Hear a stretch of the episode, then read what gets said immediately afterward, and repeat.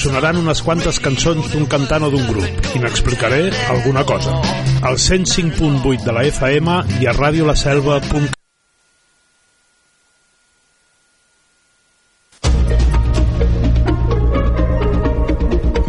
Notícies en xarxa. Bona tarda, són les 4, us parla Mercè Roura. Fem un cop d'ull a les carreteres catalanes per començar amb el Servei Català de Trànsit amb el Roger Serra. Bona tarda. Hola, bona tarda. Per una banda tenim aturades habituals en aquesta xarxa viària, per tant, vies que envolten Barcelona, les seves rondes encara carregades, a ronda de dalt, ronda litoral, en sentit Besòs, però també a l'extrem sud, sortint de Barcelona, carregades l'autovia A2 i la C32, res de l'altre món, retencions, com dèiem, habituals un divendres a la tarda. També a l'extrem nord en aquest cas d'entrada a Barcelona, a la C58 i a la C33, destacant els 4-5 quilòmetres de retencions a l'AP7 entre Santa Perpètua i Barberà en direcció sud, i a més a més, anem ara cap a les incidències, a la mateixa AP7, però al tram de Cerdanyola, i tenim un vehicle variat que talla carril, també en direcció sud, aturades de 2-3 quilòmetres en aquest punt de l'AP7 a Cerdanyola del Vallès, sentit sud, en aquest cas a causa d'un vehicle variat. No deixem l'AP7, però ja a la frontera hi ha hagut eh, l'incendi d'un vehicle, ja fa estona, que està apagat, però encara parlem de dos carrils tallats en sentit nord i aturades importants de 3-4 quilòmetres en aquesta AP7, com us dèiem, a la frontera i en sentit nord. És tot des del Servei Català de Trànsit. Moltes gràcies, Roger. Continuem pendents a les carreteres. I per primer cop a la història, el govern avança quatre mesos l'operatiu d'estiu del grup de prevenció d'incendis forestals, tot plegat per fer front a la situació extraordinària de sequera que estem patint i l'alt risc d'incendi. El dispositiu que es posa en marxa doble els efectius de 30 a 60 persones. I l'Associació Catalana de Municipis vol tenir veu en la gestió de la sequera. A partir d'ara han dit si l'excepcionalitat s'allarga en el temps. També li han demanat al govern poder revisar el règim sancionador als ajuntaments. La falta d'inversió a la xarxa d'abastament d'aigua s'arrossega des de fa anys a Catalunya, diuen, i no pot recaure en concret sobre els municipis. Això és el que diuen des d'aquesta entitat.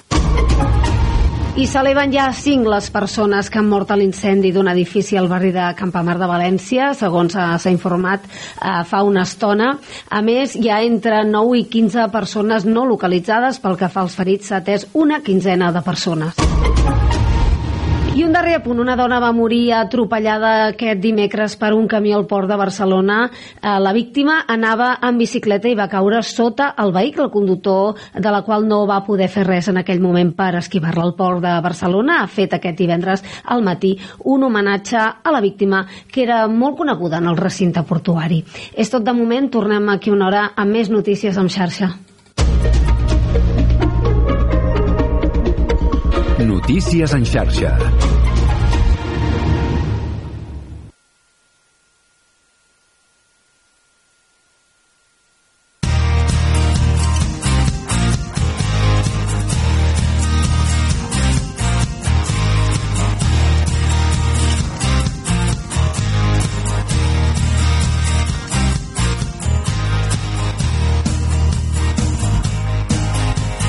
Carrer Major, un programa de ràdio Ciutat de Tarragona, Altafulla Ràdio, Ràdio Montblanc, Ràdio La Selva, Ona La Torre, la nova ràdio de Reus, Ràdio Hospitalet de l'Infant i Baix Camp Ràdio en col·laboració amb la xarxa de comunicació local.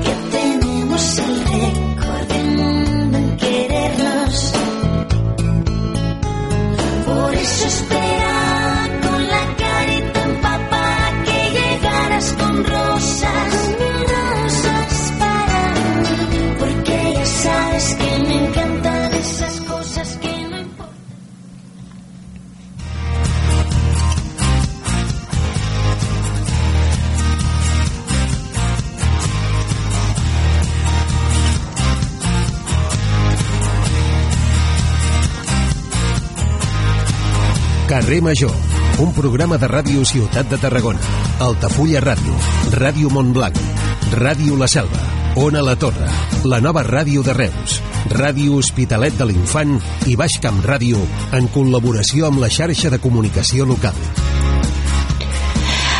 Hola, bona tarda. Tornem a començar perquè hi ha hagut algun problema amb el meu micròfon, eh, que no arribava el senyal a Tarragona. I avui comencem el programa encara impactats per les terribles imatges de l'incendi que ha calcinat un edifici d'habitatges de 14 plantes al barri del Campanar, a València. La darrera hora és que hi han mort 5 persones, 15 més han resultat ferides i una catorzena més continuen desaparegudes. Sembla que el foc es va propagar amb una virulència inusitada atiat una banda pel vent i també per l'estructura de la façana i l'aïllant tèrmic que s'hi havia utilitzat en la construcció. De fet, la vicepresidenta del Col·legi d'Enginyers Industrials de València, en unes declaracions recollides pel 3CAT, ha apuntat que segurament aquest incendi suposarà un abans i un després i derivarà a una normativa més restrictiva, com ja va passar en el seu dia a l'incendi de la Torre Grenfell a Londres, en què van morir 72 persones i que va comportar que la Unió Europea eh, revisés normatives. A nivell internacional, la notícia del dia és que ja fa dos anys, dos, de la invasió russa a Ucraïna. Avui el govern eh, català, en un acte institucional que s'ha fet al Palau de la Generalitat, ha refermat el suport cap a la població ucraïnesa i assegura que el terror pe- perpetrat per Putin no quedarà impune. I avui, per començar el programa, per començar Carrer Major, també volem destacar dues notícies de l'àmbit social. D'una banda, el govern espanyol s'ha compromès a augmentar fins al 50% la seva aportació a la llei de la dependència. D'altra banda, l'Agència Catalana de Consum ha comunicat que ha sancionat una vuitantena de grans tenidors amb 6,7 milions d'euros eh, per no oferir lloguer social des de febrer de 2020. Quan hi ha sentència ferma, els noms dels sancionats i les multes es publiquen també al diari oficial de la Generalitat com a mesura dissuasiva. I pel que fa a la sequera, Acció Climàtica, per primer cop a la història, ha avançat 4 mesos l'operatiu d'estiu del grup de prevenció d'incendis forestals. El dispositiu s'ha posat de fet en marxa aquesta setmana amb el doble d'efectius dels que hi ha mm, en temporada baixa. De 30 persones s'ha passat a 60 que fan aquestes tasques de prevenció i vigilància.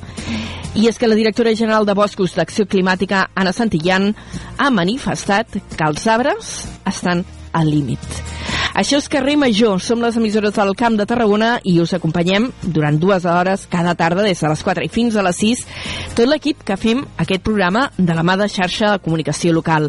Som l'Iris Rodríguez, l'Aleix Pérez, en David Fernández, la Gemma Bufies, la Cristina Artacho, l'Adrià Requesens, en Jonai González, l'Eduard Virgili, l'Antonio Mellados, Antonio Mateos, avui també en Dani, l'Adri Tella, jo mateixa, que sóc l'Anna Plaça, us acompanyo aquesta primera hora i el control tècnic que hi tenim el Dani Sánchez. Comencem.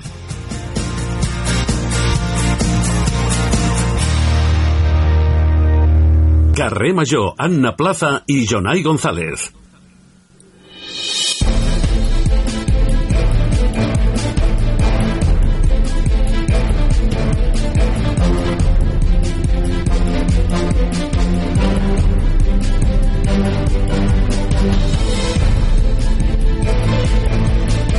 Són les 4 i 10 minuts eh, i ens endinsem res ara d'entrada amb una pinzellada en l'actualitat de l'àmbit del Camp de Tarragona. Ho fem repassant en titulars les notícies més destacades de la jornada.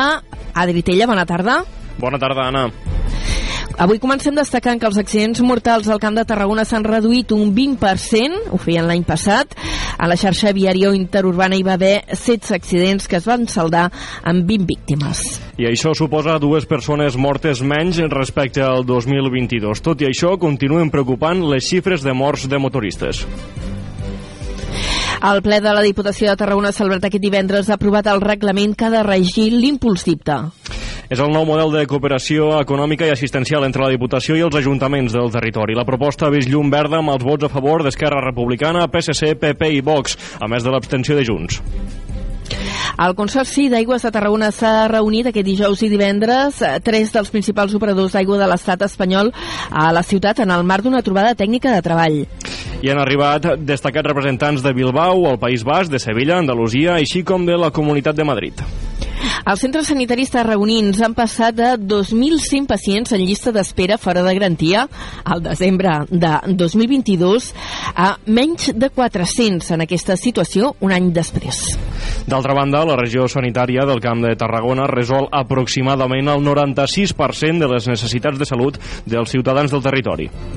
En successos, els Mossos d'Esquadra detenien aquest dijous a Salou dos homes de 33 i 27 anys per tenir una plantació interior de marihuana en un xalet de luxe del municipi.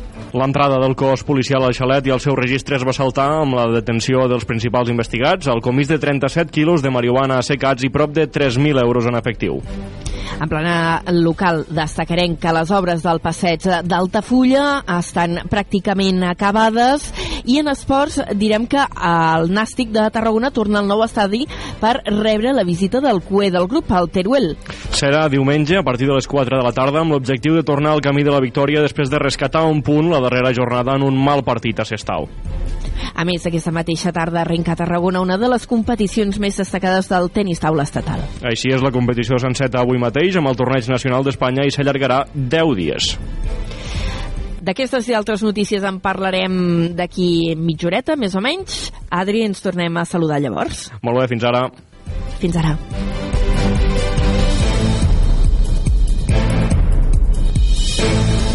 Carrer Major. Toni Mateos.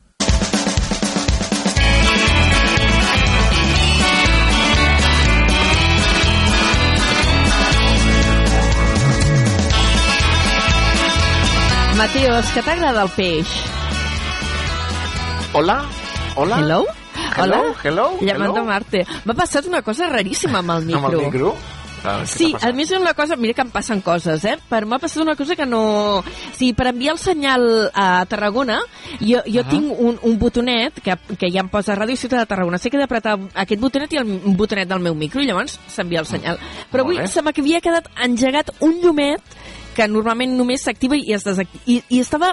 És com si s'hagués quedat enganxat i per això no hem començat el programa i no se'm sentia i no, no tinc ni idea ja li, li vaig donant i no, ara queda apagadet no sé què ha passat Mm, misteris de la tècnica De, de, I de divendres. quin desastre Quina- mare de Déu superat, senyor. està superat, Anna, està superat, ja està, ja està. Ja, ja com diem la meva àvia Teodora, ja, ja passo, ja passo ja passo, ja passo, ja passo, ja passo.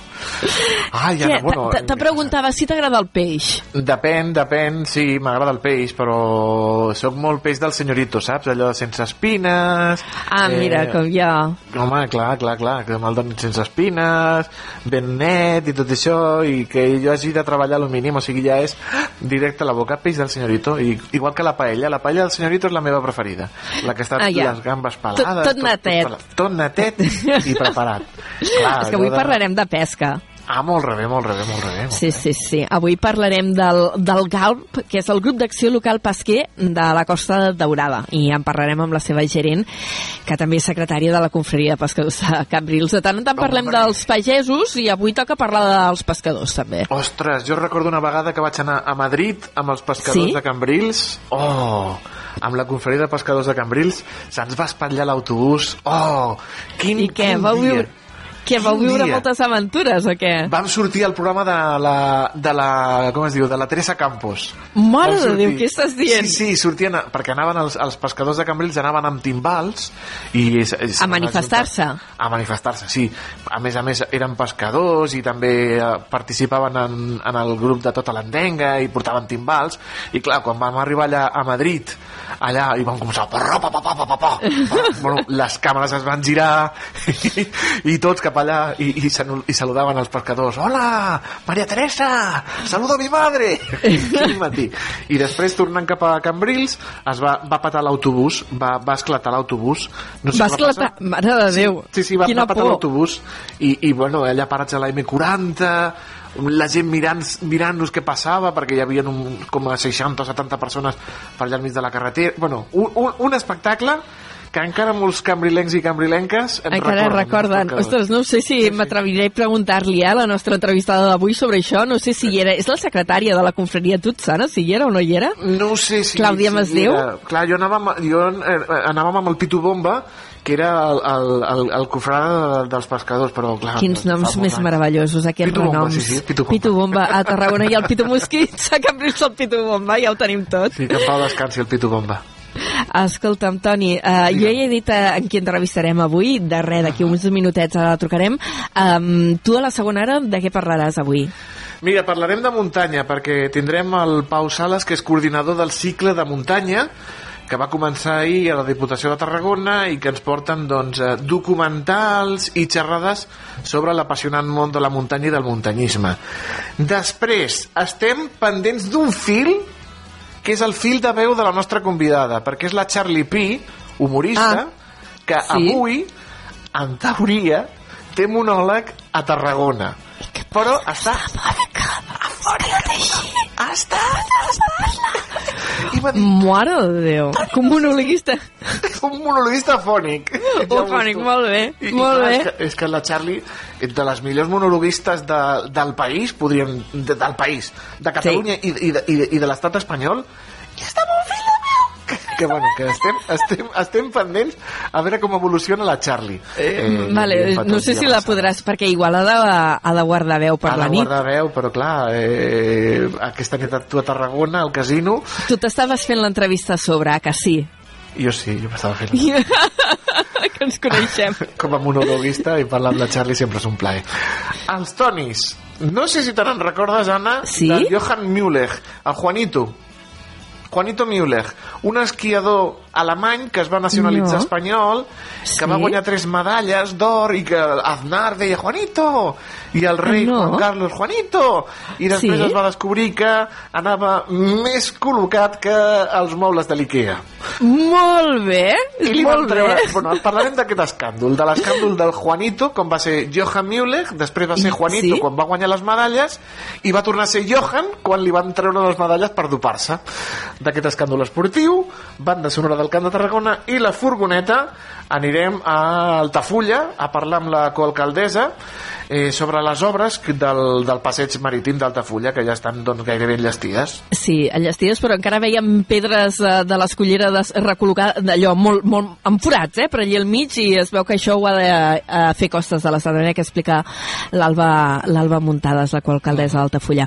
Uh, Toni, moltes gràcies, tot això a partir de les 5, i ara nosaltres anem a parlar de pesca i d'economia blava. Fantàstic. Fins ara, Anna. Fins ara.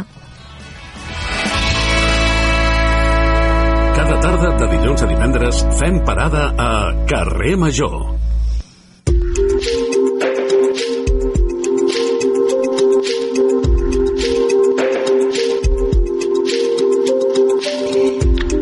Són les 4 i 19 minuts, uh, anem a parlar de pesca, anem a parlar del sector primari, ara ho comentàvem amb el, amb el Toni Mateus.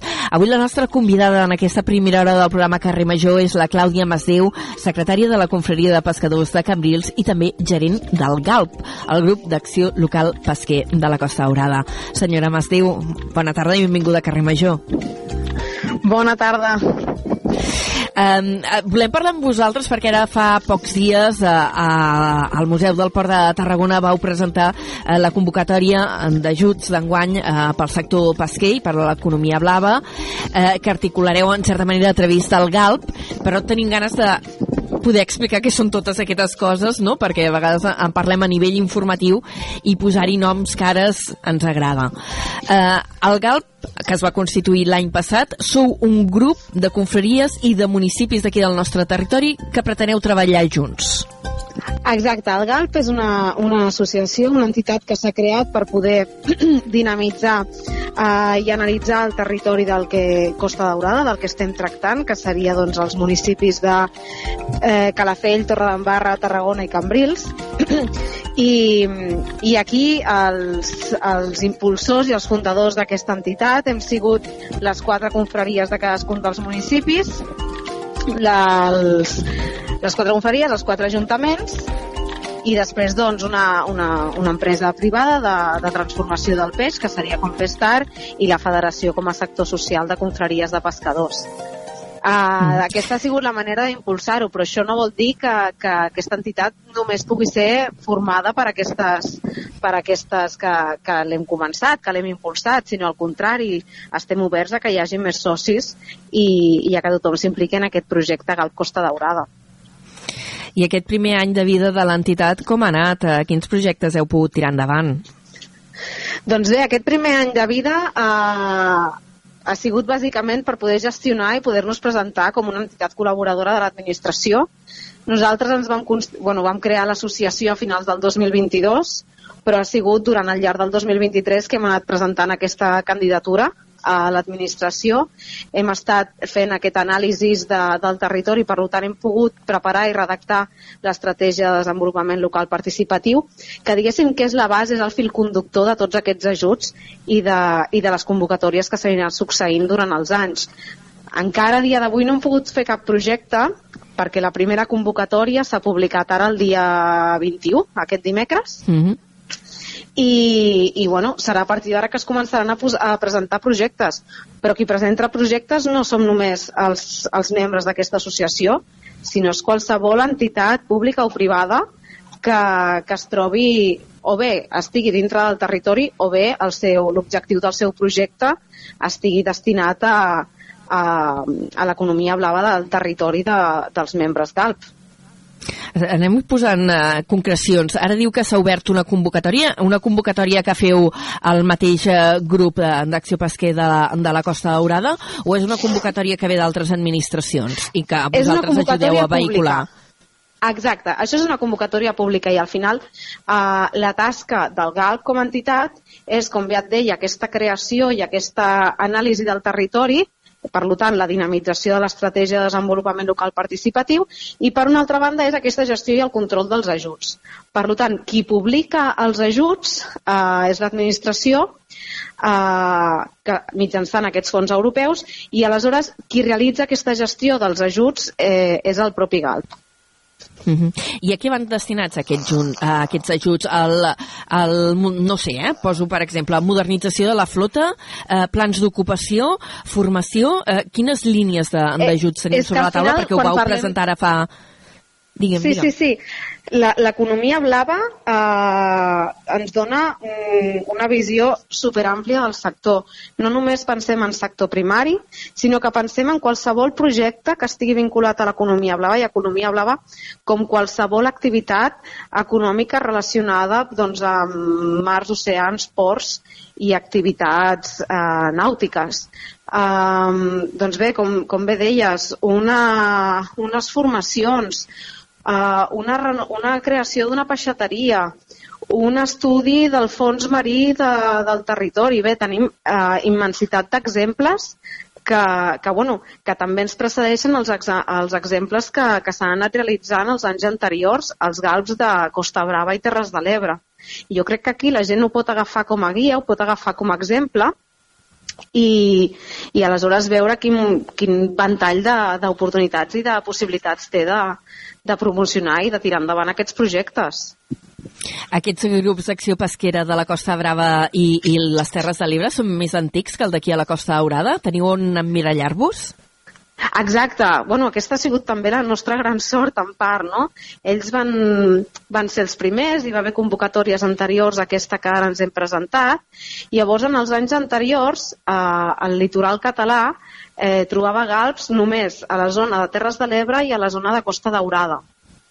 I ara, amb aquesta nova convocatòria, s'ha pogut donar resposta a aquesta necessitat als territoris de, bueno, de dependència, d'alta dependència del sector pesquer i, per tant, donar resposta a, a, a tot el litoral català. Trobem com a Galp Nou el Costa Daurada, però també tenim el Costa Brava Sud Maresme, que és un altre galp, i el de Costa Central, que seria un altre galp. Per tant, ara ja tenim doncs, tota aquesta costa catalana amb, amb aquestes entitats i, per tant, amb tot aquest ventall d'oportunitats que, que donen els GALP. El fet de que us agrupeu també està relacionat, eh, d'una banda, entenc, per, facilitar aquests accessos a, a, a convocatòries i a subvencions públiques, però entenc també perquè el sector pesquer, a poc a poc, es va diluint, no? Perquè a, a Tarragona entenc que la cofreria encara és bastant potent, segurament la de Cambrils també, però, per exemple, aquí a Torre d'Embarra, jo, eh, que estic a una a la Torre, a l'emissora municipal de, eh, de Torre d'Embarra, clar, aquí el sector pesquer ja és poquet el que queda.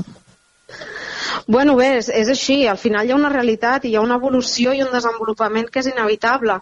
Però amb aquests ajuts, és a dir, el sector pesquer té, té, té certs ajuts que van destinant direct, directament a, a, al propi sector primari, però el que ens permet el GALP i els seus ajuts és donar aquesta, aquesta dinamització, aquesta diversificació del propi sector pesquer i, per tant, doncs, eh, expandir el que seria tot aquest vincle. No? Per això parlem d'economia blava i no només de sector pesquer, perquè al final eh, també el desenvolupament de totes les activitats que es donen a terme en la zona del litoral i del mar, de la zona marítima, eh, també va a favor d'aquesta promoció tant de, de, del producte com de l'estil de vida, no? I, i bueno, parlant també de, de projectes. Un altre, un altre tipus de projectes doncs, seria aquesta protecció o aquesta, aquest donar a conèixer el patrimoni cultural que porta el sector pesquer.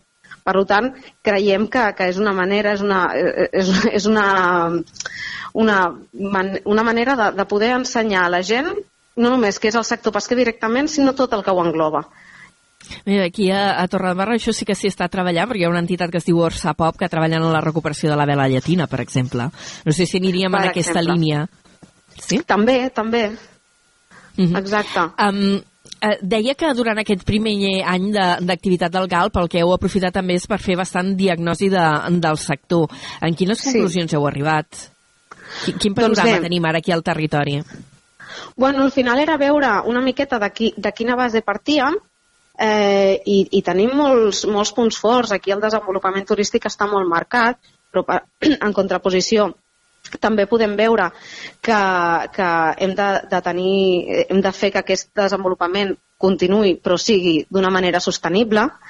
Uh, després també és veritat que tenim molt desconeixement del que és el medi eh, de la zona marítima i per tant doncs, potser és important augmentar aquest medi i ai, augmentar aquest medi, augmentar aquest coneixement i a més a més augmentar, buscar mètodes de protecció del mateix.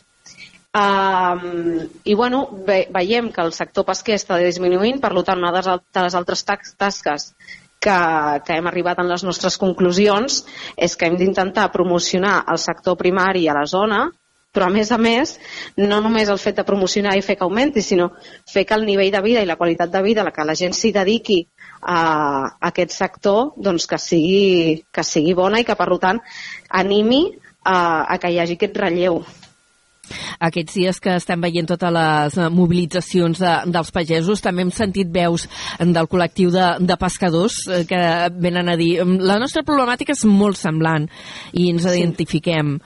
Eh, vostè, que sí, clar, com a secretària de la confraria de pescadors de Cambrils, s'hi deu trobar amb el dia a dia, no?, amb les queixes de, del sector, com, com estan. Sí.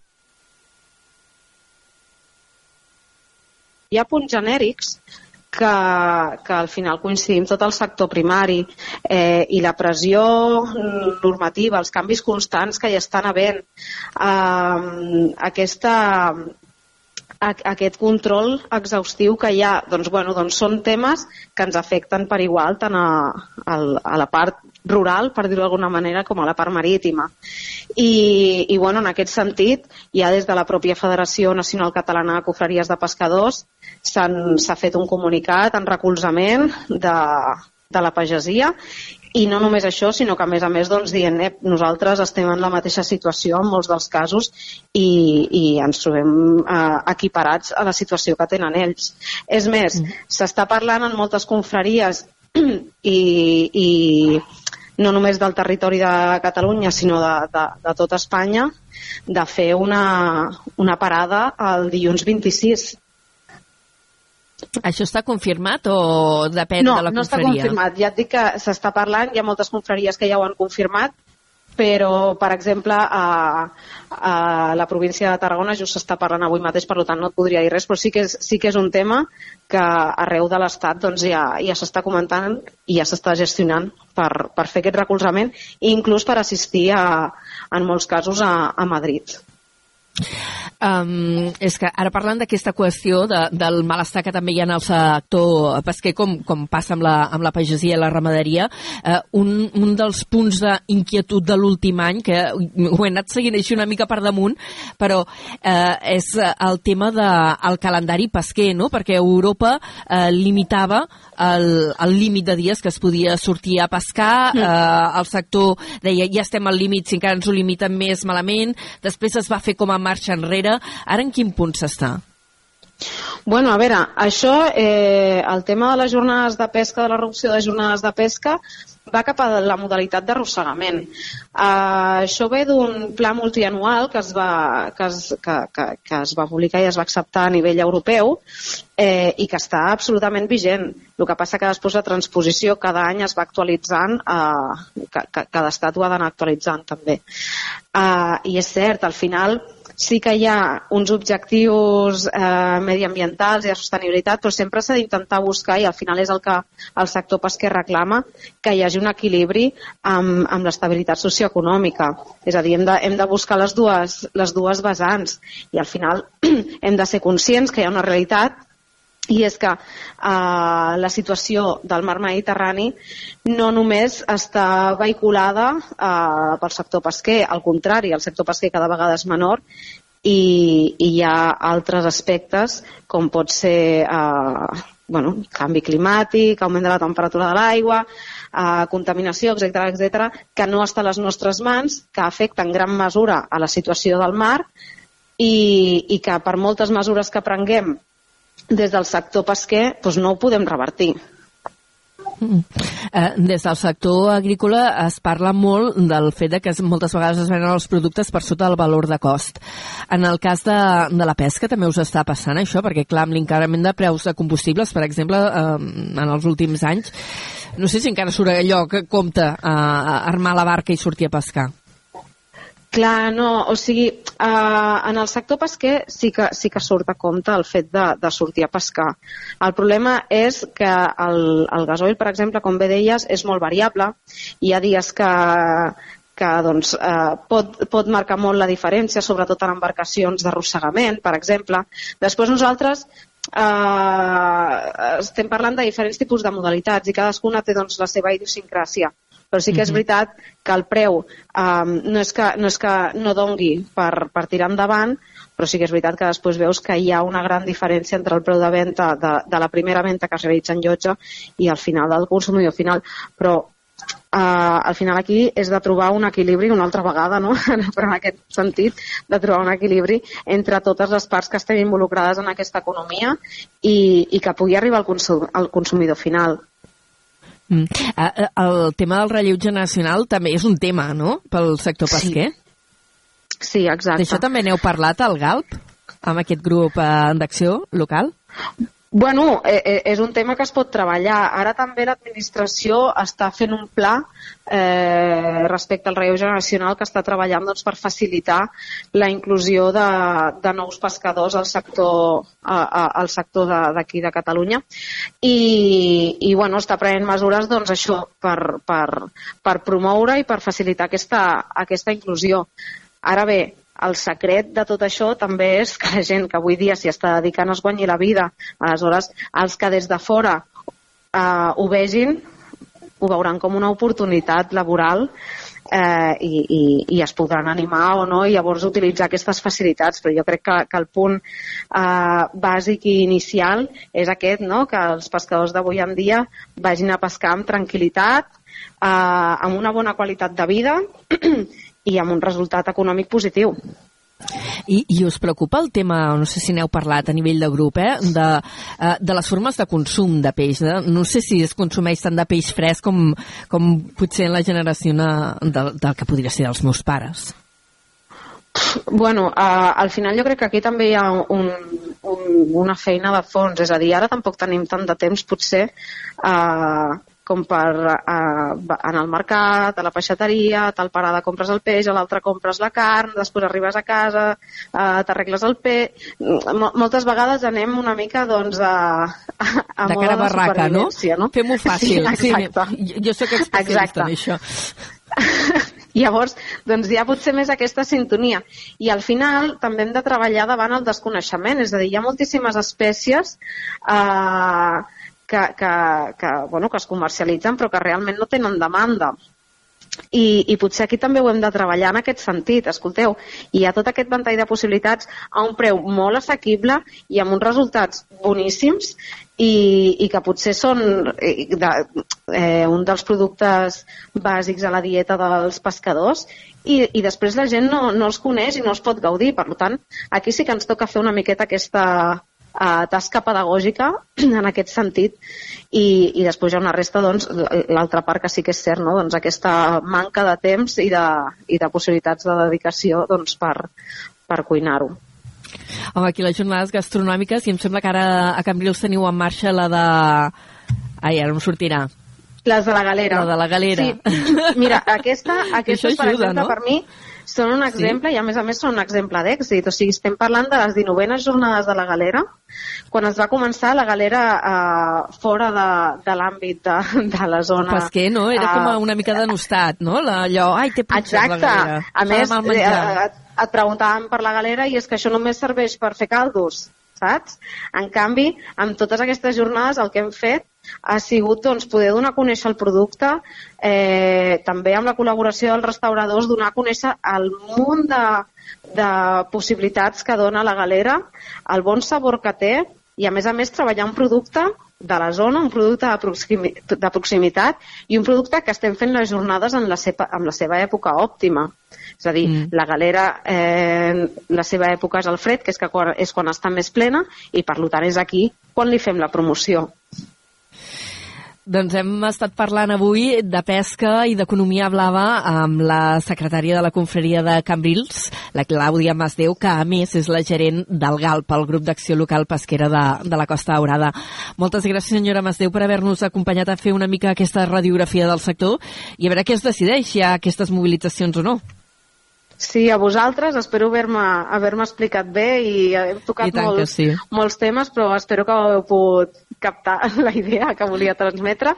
I no res, a, respecte al gat, doncs animar a tothom a que, a que preguntin, a que ens demanin informació. A la pàgina web de galcostadaurada.cat ho podran trobar tot i també a les, les nostres dades de contacte. I que al final l'objectiu és aquest, és, és impulsar l'economia blava del territori i, i, i tirar endavant i donar una empenta, un impuls a, a tota la zona. Doncs moltes gràcies i segurament que algun altre dia tornarem a xerrar per parlar d'aquests projectes. Gràcies, senyora Masdeu. A vosaltres, adeu. Fins ara. Tot el que passa al Camp de Tarragona t'ho expliquem a Carrer Major.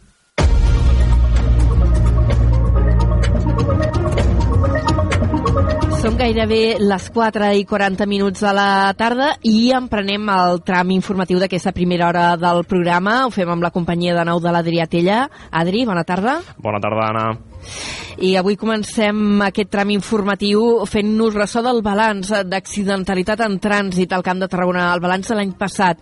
Els accidents mortals aquí al territori es van reduir un 20%. A la xarxa viària interurbana hi va haver 16 accidents que es van saldar amb 20 víctimes. Això suposa dues persones mortes menys respecte a l'any 2022. El conseller d'Interior, Joan Ignasi Helena, ha afirmat que els preocupa que les xifres absolutes de morts de motoristes es mantinguin, tot i la disminució de la sinistralitat. I és que malgrat disminueix la corba de, de, de persones que perden la vida, es manté el número absolut de persones que perden la vida en moto.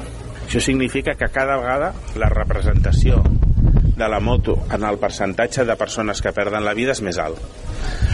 I en aquest sentit doncs, s'han de fer molts esforços en molts àmbits, no? de conscienciació, de, de, també de, de control i de, i de sanció, i ho fem a través de les motos espiell. Helena ho ha dit aquest divendres des de Riudoms, on ha anunciat una nova convocatòria d'ajuts xifrada en 10 milions d'euros per millorar la seguretat viària dels municipis de menys de 50.000 habitants. Aquestes noves ajudes estan previstes per a juny i condicionades a l'aprovació dels pressupostos. Avui també hi ha hagut ple a la Diputació de Tarragona que ha aprovat el reglament eh, que regirà l'impuls d'IPTA, el nou model de cooperació econòmica i també d'assistència als municipis de la demarcació. La proposta ha vist llum verda amb els vots a favor d'Esquerra Republicana, PSC, PP i Vox, a més de l'abstenció de Junts. El text recull els principis bàsics que han de regir aquest nou pla de treball conjunt amb els ajuntaments. De fet, és el marc jurídic que ha de permetre apropar més endavant el pla definitiu. El nou model de gestió aposta per un treball conjunt per fixar les prioritats de les polítiques municipals, establint una relació de bilateralitat i respectant l'autonomia local. A més, el Pla Impuls d'IPTA permetrà simplificar la tramitació administrativa dels ajuntaments amb la Diputació, ho explica així el vicepresident i diputat delegat de Concertació i Assistència Municipal, Enric Adell. És un dia important pels ajuntaments de la demarcació de Tarragona perquè és el primer pas, és un pas endavant per la reducció de tràmits que significarà reduir en més d'un 75% tots els tràmits que estaven fent. I avui, precisament, que donem suport a la pagesia, la Diputació ja fa setmanes que treballem en aquesta direcció de simplificar, de reduir burocràcia, que això el que ve a ser, al cap i a la fi, és ajudar la ciutadania, és fer la vida més fàcil i és ajudar a tota la gent que viu als 190 municipis de la nostra demarcació.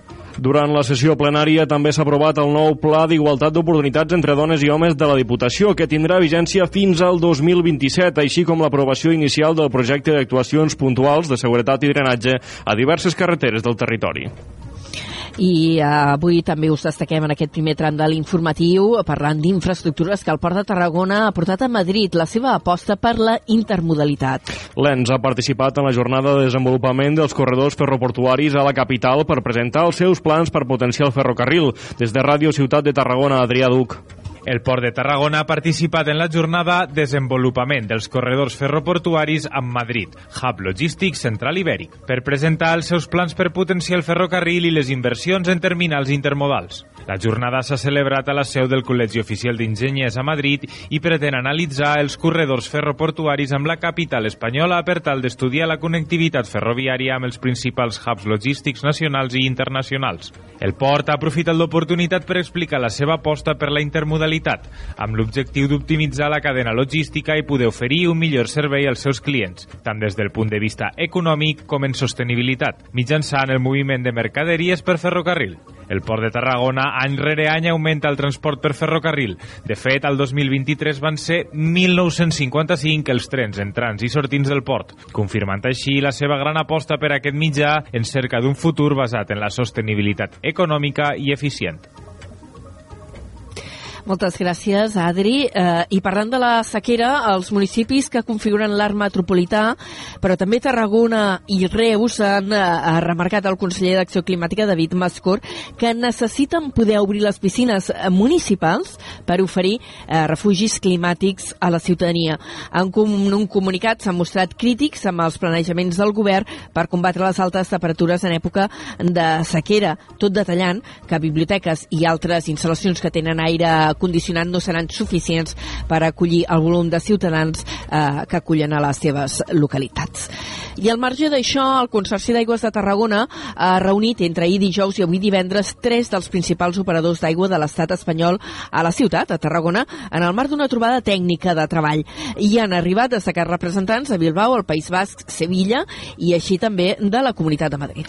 Segons el president del Consorci, Joan Alginet, la reunió ha servit per compartir experiències, reflexions sobre el present i futur de la gestió de l'aigua i posar en comú projectes que inspiren mútuament. A més, els actors han recordat que el vincle i la voluntat de cooperació i col·laboració entre aquestes entitats gestores és històrica i permanent. En aquest sentit, l'alcalde de Tarragona i vicepresident del Consorci, Rubén Viñuales, ha destacat el compromís dels respectius organismes amb la gestió eficient i responsable de l'aigua, especialment en un context com l'actual. Aprofitant la seva visita a Tarragona, els implicats han passat per les instal·lacions d'Aitassa, així com per les instal·lacions de l'Autoritat Portuària de Tarragona, ens estratègic i fonamental pel que fa a l'activitat econòmica del territori. I avui també tenim la vicepresidenta del govern, Laura Vilagrà, visitant el territori on ha parlat també de gestió de l'aigua, ha assegurat que sobre aquest tema des del món local és clau per afrontar l'actual situació de sequera. Aquest mateix divendres, com dèiem, Vilagrà ha visitat la nova bassa de la comunitat de regants de Valls i la depuradora de Vallmoll, dues infraestructures rellevants per l'alt camp. La vicepresidenta ha reivindicat la inversió de 1.045 milions d'euros anunciada fa pocs dies per part del govern per combatre la sequera durant aquest 2024.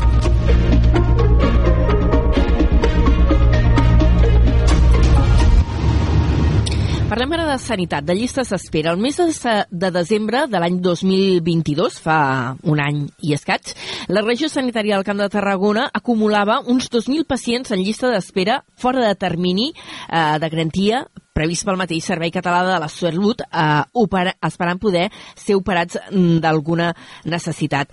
Eh, malgrat que cap d'elles eren malalts oncològics ni d'absoluta gravetat, és una xifra molt elevada que els centres sanitaris del territori han aconseguit molt a reduir molt durant l'últim any.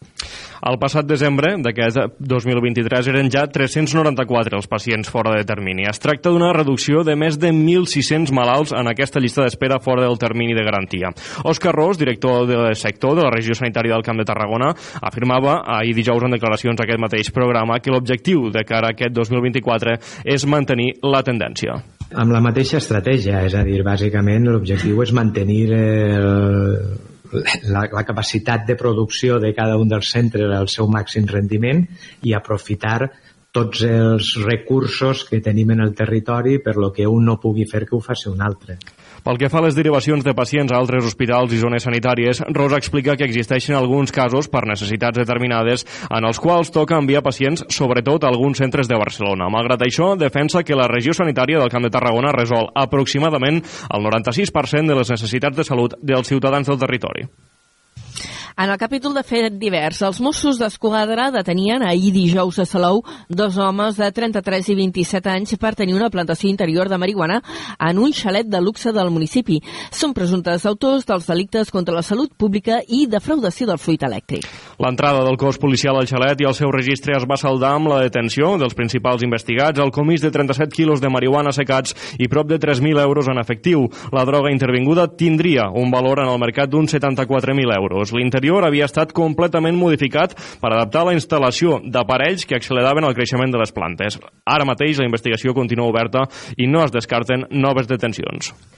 Entrem en crònica local eh, i ho fem per parlar de les obres que s'han hagut de fer al passeig marítim d'Altafulla, eh, molt tocat, eh, recordeu, ja n'hem parlat moltes vegades en aquest programa, pel temporal que hi va haver a la tardor, i unes obres que mm, l'Ajuntament ja dona pràcticament per acabades.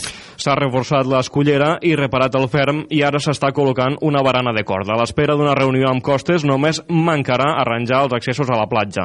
Ens amplia la informació des d'Altafulla Ràdio l'Eduard Virgili. Quatre mesos després de l'esfondrament d'una part del passeig de botigues de mar d'Altafulla, a conseqüència dels temporals, l'Ajuntament ha explicat que les obres que van començar a mitjan mes de gener es donen per pràcticament acabades. Aquest divendres al matí, la coalcaldessa Alba Muntades ha explicat que els treballs han consistit en reforçar l'escollera que sustenta el passeig i també en reparar la superfície esfondrada. S'haurà d'acabar de veure com han d'acabar aquests accessos que van quedar afectats. Uh, de fet, la setmana que ve tenim una reunió amb costes de, de l'Estat, que en el seu moment es va comprometre a fer aquesta, aquest arranjament dels accessos i per tant vindran aquí a veure sobre el terreny com han quedat per veure com, com es poden adequar uh, de cara a la temporada turística que és imminent aquest any, que és Setmana Santa. Ara també s'està negociant amb el port de Torredembarra una aportació de sorra que s'abocaria passada la Setmana Santa. Paral·lelament, de manera conjunta amb els establiments de restauració, l'Ajuntament estudia com hauran de ser les seves terrasses a partir d'ara.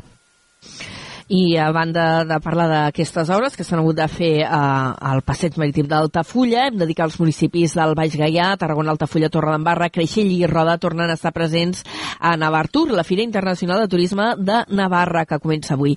Aquesta cita, una de les més importants del sector turístic a la zona nord d'Espanya, celebra a Pamplona fins diumenge. Els cinc municipis de la costa del Baix Gaià, com dèiem, es promocionen conjuntament sota el paraigua de la marca Costa Daurada i en el marc del conveni Corner, en un espai diferenciat dins de l'estant que la Diputació de Tarragona a Navartur, on durant els dies de la fira s'oferirà un tas d'oli de les cooperatives agrícoles del Baix Gaià. Navartur és una de les cites habituals on assisteixen juntes les destinacions que conformen la marca Costa del Baix Gaià, atesa la importància dels mercats navarrès i basc en el sector turístic del territori. La fira va comptar l'any passat, el 2023, amb més de 46.000 visitants, un 60% més que en l'edició del 2022.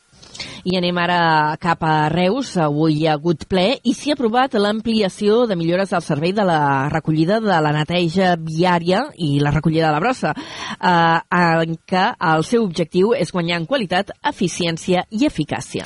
Els diners s'afegeixen als 670.000 euros que ja es destinaven al servei. Ens en dona més detalls des de la nova ràdio de Reus, la Laura Navarro.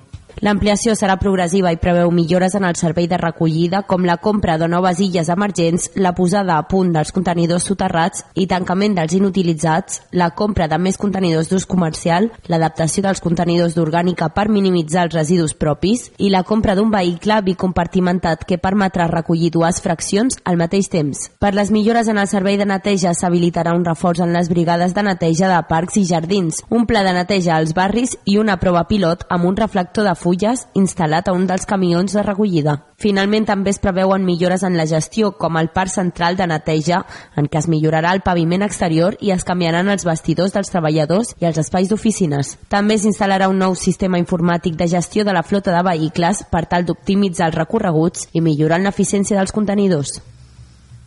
Moltes gràcies, Laura, per aquesta crònica que ens arriba de Reus, parlant del ple. També hi ha hagut ple a Torre d'Embarra, era ahir, eh, i s'hi ha acordat a condicionar la zona verda que hi ha al barri de Sant Jordi, a tocar de l'Institut Torre d'Embarra i el pavelló Els Caus. Ho ha fet a través d'una moció presentada per Alternativa a Torre d'Embarra que ha rebut el vot favorable de tots els regidors excepte de la CUP. Des d'on a la Torre, Josep Sánchez. Alternativa ha presentat dins de la moció un projecte que contempla dedicar uns 53.000 euros per fer millores en la zona, amb el desbrossament de l'espai, la instal·lació de mobiliari, dos punts d'aigua i dues entrades. El regidor Carles Fuixet ha defensat que permetrà millorar la qualitat de vida dels ciutadans i que en podran fer ús els alumnes de l'Institut Torredembarra. Una zona verda que si compta amb bancs, si, si compta amb taules, si compta amb zones arbrades, ombra, zones d'ombra i amb aigua, també contribueix a que la gent jove no estigui tot el dia pensant en utilitzar els mòbils, sinó que poden interactuar entre ells. En nom del govern, el regidor de Via Pública i Serveis, Vale Pino, ha dit que donaven suport a la proposta. Des de la CUP, Toni Sacristán s'ha abstingut perquè ha demanat que es comprovi si el promotor immobiliari de l'illa de cases que hi ha al costat d'aquesta zona verda és qui s'ha d'encarregar de condicionar-la. La previsió és incloure una partida per aquesta intervenció en el pressupost del 2025. I encara un altre punt municipal de l'àmbit del Baix Gaià, l'Ajuntament d'Altafulla ha tret a licitació el servei de programació del Casal de la Violeta. La durada inicial d'aquest contracte serà d'un any, que es podrà prorrogar durant dos més i el pressupost de sortida d'aquest contracte per programar en aquest centre cultural és d'uns 8.000 euros IVA inclòs.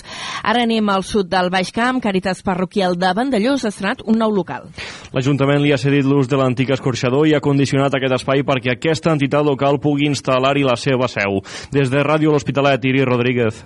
Càritas de Vandellós estrena nou local a l'antic escorxador del poble que es va inaugurar aquest dijous 22 de febrer amb un acte obert als veïns i veïnes.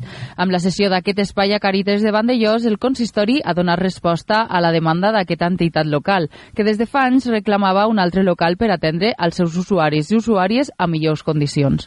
Sisqueta Margalef és la directora de Càritas Vandellós. Totes les companyes m'ho sentim molt contentes perquè de veritat que era una reivindicació que feia anys que fèiem. La veritat és que que era molt feixuc i teníem sempre port.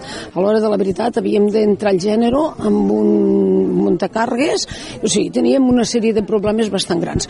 Mos ha arreglat aquest local, ha quedat molt guapet, molt endreçat i la veritat estem molt contentes. La inauguració va comptar amb la presència del director de Caritas Diocesa de Tortosa i membres del secretariat d'aquesta entitat de l'Església Catòlica, així com diversos membres de l'Ajuntament i els voluntaris i voluntàries de Càritas tant de Vandellós com de l'Hospitalet de l'Infant.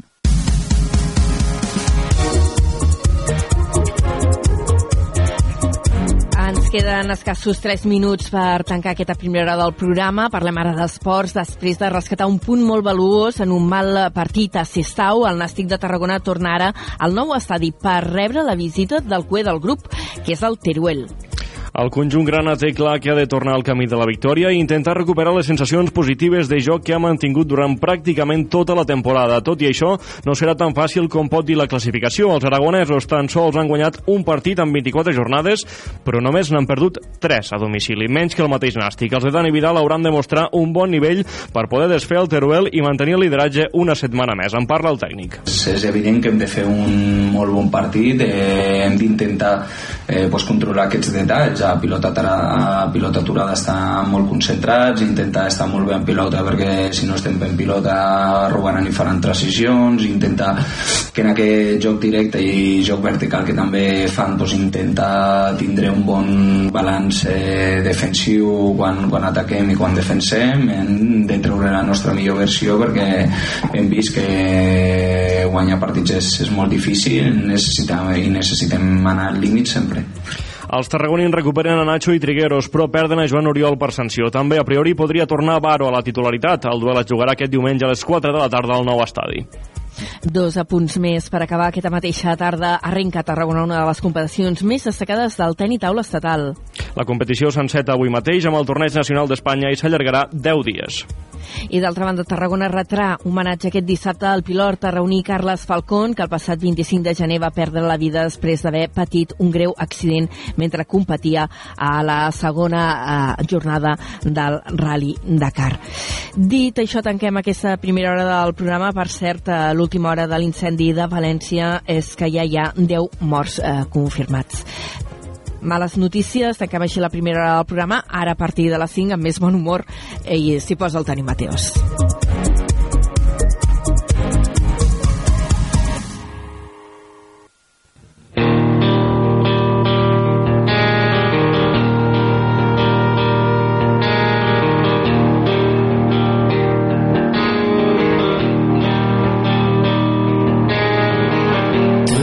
Sabes que te va a alcanzar y que a veces lo mereces y nunca es para tanto. Lo harías otros 20 años más. Ya se ha dormido la ciudad y quedamos los de siempre. Solo un sobresalto.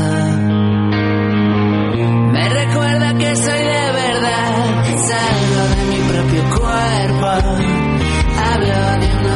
extraña. Odio el tipo del espejo. Unos siete días por semana. Casi ya no veo el puerto. Solo hay una cosa clara. Fuimos demasiado lejos y ninguno se cubrió la espalda.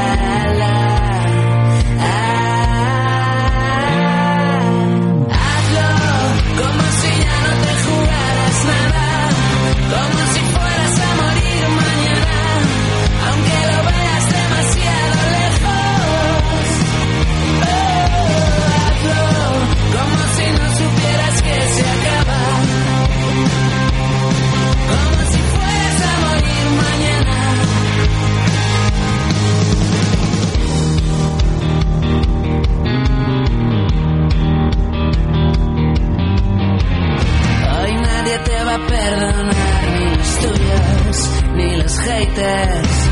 Puedes el impacto. Bienvenidos a la era digital.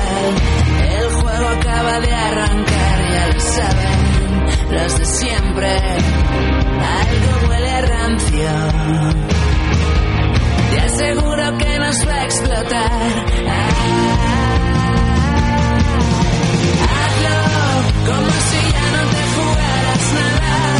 como si fueras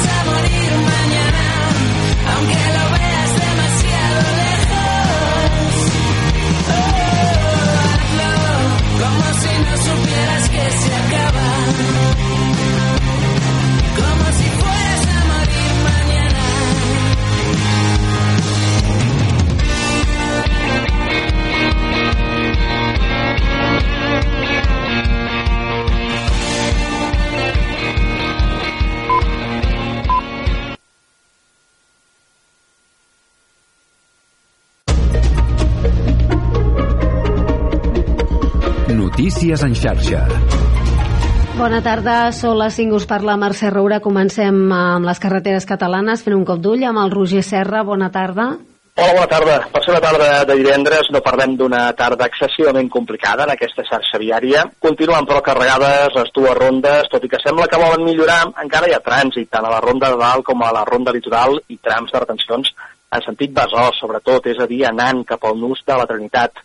Autopista AP7 amb aturades aquí aproximadament ara d'uns 4-5 quilòmetres a causa d'un vehicle avariat. Aquí sí que hi ha retencions entre Barberà i arribant a Bellaterra, Cerdanyola, aquest tram de l'autopista AP7, com us dèiem, més de 4 quilòmetres amb retencions, direcció sud, anant cap al Papiol, és a causa d'aquest vehicle avariat.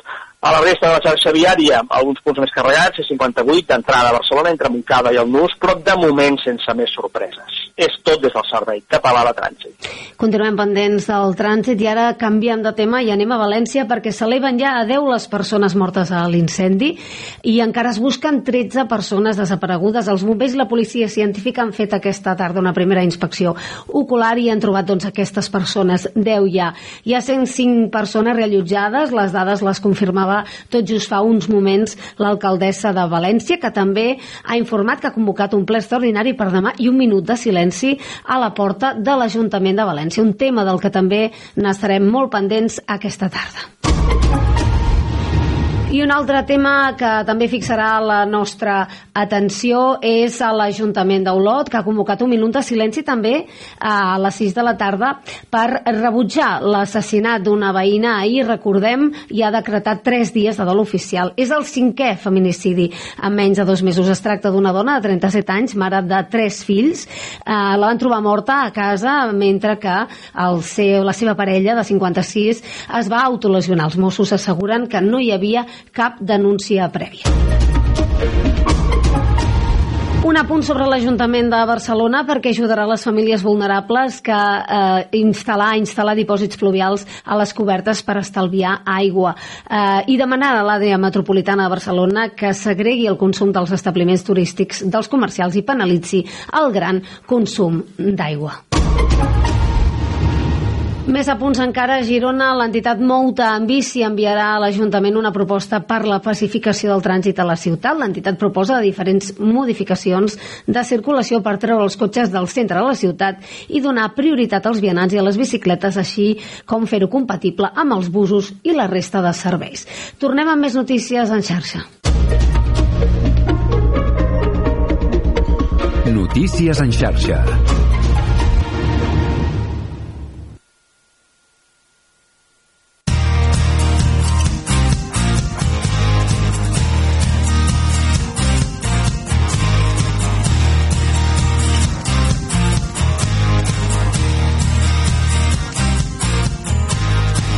Carrer Major, Toni Mateos i Aleix Pérez.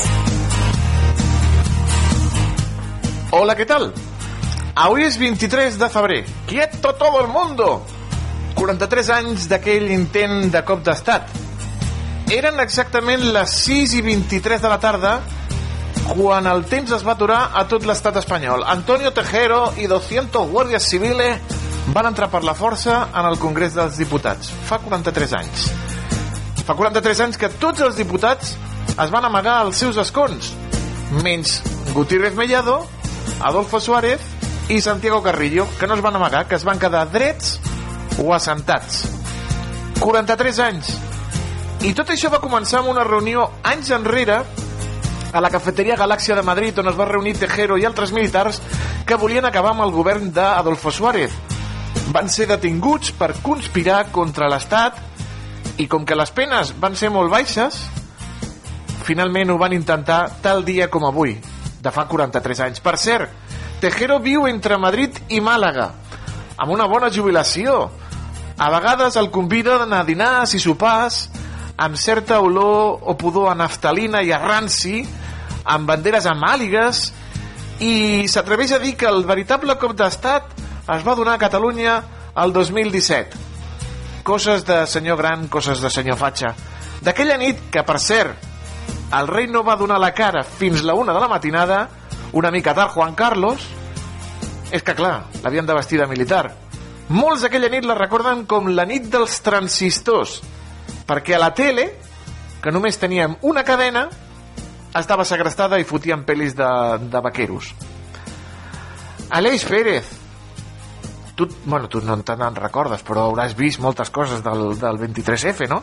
i tant, i que m'han explicat ma mare i mon pare, de fet tot just avui n'estàvem parlant a l'hora de dinar, de dir, ostres, és que, és que clar, eh, la dimensió que va tenir en aquell moment, no? al final tot, tot es va paralitzar, tothom estava doncs atent, i clar, i és, i és estrany, no? Contraposa molt en, avui en dia que potser som, tenim com milers d'impulsos per minut, inclús notícies com molt grans o molt importants com aquest incendi a València marxen com si, com si fossin segons per mi és, és, és estrany entendre com una cosa va paralitzar el país durant migdia gairebé No, no, durant migdia no, tot, tot el, el dia. dia. van entrar a les 6 de la, de la tarda i d'allà no van sortir fins al dia següent, que serien les 12 del migdia, i a més a més van sortir saludaos i, i dándoles la mano.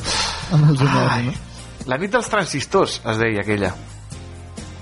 Com, com la ràdio, no? Al final té, té certa Clar, no, és que era la ràdio la que estava informant, perquè la tele, com t'he dit, estava segrestada.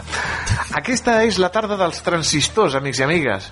Els transistors de Radio Ciutat de Tarragona, Altafulla Ràdio, on a la Torre, Ràdio Montblanc, Ràdio Hospitalet de l'Infant, la nova Ràdio de Reus, Ràdio La Selva del Camp i Baix Camp Ràdio. La tarda també del nostre tècnic, en Dani Sánchez, i la del colpista radiofònic que els parla, Antoni Mateos. Todo el mundo a la ràdio! Benvinguts a Carrer Major.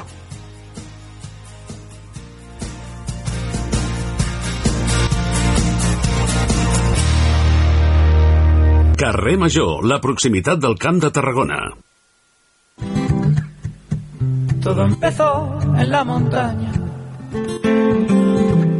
como un brote de agua azul. Apareció como un secreto, escondido en la altitud. Cicle de muntanya és un cicle de trobades, de xerrades, de documentals que tenen a la muntanya, com el seu nom indica, de principal protagonista. Són ja 17 anys d'aquest cicle on es reflexa la realitat de la muntanya, la cruesa del muntanyisme i de la vida dels seus protagonistes. Avui ens ha acompanyat telefònicament el coordinador del cicle, en Pau Sales, al qual saludem. Senyor Sales, molt bona tarda. Hola, bona tarda. Què tal? Com esteu? Què heu après en aquests 17 anys de cicle de muntanya? Què hem après? bueno, a veure, eh, això ha sigut una aposta d'una administració de la Diputació de Tarragona. El Departament de Cultura doncs, ho ha abanderat, eh, però és la Diputació qui ho empeny i, i clar, eh, vull dir, fa uns anys, i no és la Diputació, sinó era el pensament popular era que això de la muntanya no era cultura, no? eren uns quatre doncs, replegats, o com li vulguis dir, que, que anaven a la muntanya i s'ho passaven bé. I això és incert, i això ho demostrem amb tots els que han vingut, amb la base que ha vingut, amb els grans expedicionaris i alpinistes que han vingut, que és cultura, és la cultura de la muntanya. I això és el que estem fomentant des de fa 17 anys, i portem totes les persones més importants de, de, del món. O sigui que jo et podria aquí enumerar, doncs, jo que sé, per treure'n un, el Kurt Diemberger. El Kurt Diemberger ha pujat, és l'única persona viva i ha vingut dos vegades a Tarragona amb el nostre cicle. És l'única persona viva que en aquest, eh, el 16 de març d'aquest any farà 92 anys, que ha fet dos cims per primera vegada al món. O sigui, que, que ell, que eren verges, el Broad Peak de 8.047 metres i el Daula Giri de 8.167 metres. O sigui, és l'única persona viva que s'ha fet amb els seus peus la primera muntanya del, de, dels 14 famosos 8.000, no? O sigui, això és per dir-te una mica, per tindre un paràmetre de la gent important que han portat, no? Han portat el Denis de Jorufko, que és, té el rècord de 27 8.000, que li ha passat davant de, del Juanito Iarzábal, que també l'han portat. Sebastián Álvaro ens ajuda molt, el del filo de l'impossible. Bueno, estaríem tota la tarda parlant de Christophe Beliki, que va fer els tres cims més complicats en hivern, a l'Everets entre ells, el Cachetxunga i el Botse. O sigui, això és un reflexe impactant de, de dir, per això, ahir, ahir que vam inaugurar, doncs va omplir omplim un aforo de més de 300 persones.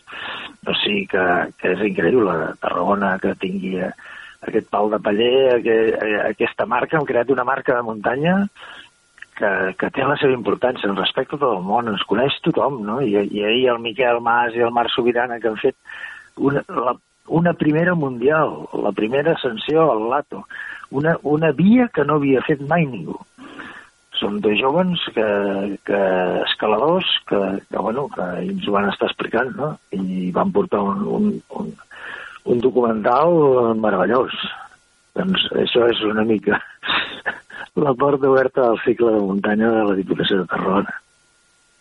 Perquè al final, què, què té la muntanya per què enganxa tant, tant els protagonistes que han convidat en aquestes 17 edicions com també tota la gent que, que s'hi aplega i que, i que fa parada al, al, a l'auditori també de la Diputació què, què, què té d'especial la muntanya que enganxa durant tantes edicions i de manera tan fidel a la gent? Bueno, doncs a veure, nosaltres portem, a part dels, dels alpinistes aquests tan famosos de fama internacional, mundial i també catalans, no? del Jordi Pons, que el Jordi Pons va ser dels primers eh, català que va fer junt amb l'Anglada el primer 8.000 de, de la nació, d'Espanya i, de, i de Catalunya, no? O sigui que aquí també tenim molt, bueno, l'Òscar Cadiac, que ha fet els 14 8.000 sense oxigen, que és que està, està fincat a Tarragona. I, I vull dir que, que realment ell ens va ajudar a començar aquest cicle, no? I llavors, què té la muntanya? Home, doncs la muntanya és cultura, és natura, és, és, és respirar aigua de pur, és aconseguir és part de la vida. O sigui, la muntanya tu comences a, a un projecte d'una... com els nois d'ahir, no?, els escaladors, el Miquel i el Marc. Doncs un projecte, tu et poses un projecte al, al, al, al cap. Eh, ahir ens ho explicaven, que quan van veure aquesta muntanya al Lato, al Lato i es van in, eh, enterar de que aquesta via que volien fer no, era verge, que no, no, no, aquesta via d'escalada no l'havia fet mai ningú, doncs només somiaven en aquesta... Doncs és el projecte, és un projecte de vida. O sigui, la vida és això, no? Tu quan neixes estudies i treus una carrera i, treus, i ets vocacional i, i lluites per allò fins, fins a aconseguir-ho, no? Doncs, bueno, és, és el mateix, és, és l'exemple de la vida, és la superació, és, és superar-te tu mateix. A més, cada vegada amb més seguretat, amb eines, amb... amb clar, ara, ara ens trobem l'efecte Covid que jo dic, no? L'efecte Covid que ha passat, doncs la gent, amb això de la pandèmia i de, del confinament i tot això, doncs s'ha llançat a la muntanya, massifica la muntanya. Tothom té dret a, a fer això, però han descobert una cosa que, que només la coneixíem menys gent, perquè jo, per exemple, vaig, vaig començar l'escoltisme quan era jove, no? I, llavors, bueno, doncs, tothom ha anat agafant camins eh, eh, i, i, i ha anat prosperant i li han anat ensenyant. Clar, jo me'n recordo quan era jove, que vaig començar doncs, a l'ermita de Barrulles de, amb uns campaments que feien, doncs allí vaig començar a veure el que era. És un aprenentatge. Fèiem uns focs de camp, unes cançons, els, els mandos... Jo vaig arribar després a, a, a subjefe de campament del mateix, no? Va ser un, per mi una superació increïble. Llavors ja, jo era un nano i vaig arribar a ensenyar nanos. I què, i què ensenyava? Doncs la natura.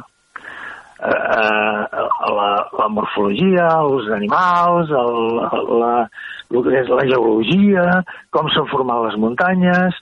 Eh, això, si, si t'ho van ensenyant i ho vas aprenent, és apassionant. És, és, és el despertar, és, és clar. És, per exemple, el, en aquest cicle tanca, tanca el cicle un geòleg que es diu Cito Carcavilla, que és, que és, que és geòleg i alpinista, i aquest va explicar, o sigui, la seva passió, diu, per les muntanyes el va portar a estudiar geologia, per entendre com es formen. Veus? Això és un exemple de que, o sigui, per, per, per assabentar-se de com es formen les muntanyes, estudia una carrera. És com el metge, que és vocacional i estudia medicina, i resulta que ell gaudeix, de, i si és un, un que està a la investigació i que descobreix un virus, un tal, que... Eh, això és apassionant. Doncs la muntanya té, té un camí semblant, no? És la superació personal, és el coneixement. Està dintre del Però... coneixement. I té uns valors, uns valors molt I uns importants. perills. I uns perills, senyor També, Sales, també. Bueno, sí, bueno, però els perills s'han de... Ah- Ahir els hi preguntaven a aquests escaladors, i no teníeu por? I van dir sí, perquè eren molt sincers, sí que teníem por. I, i un d'ells és bomber, és bomber dels, dels GRAE.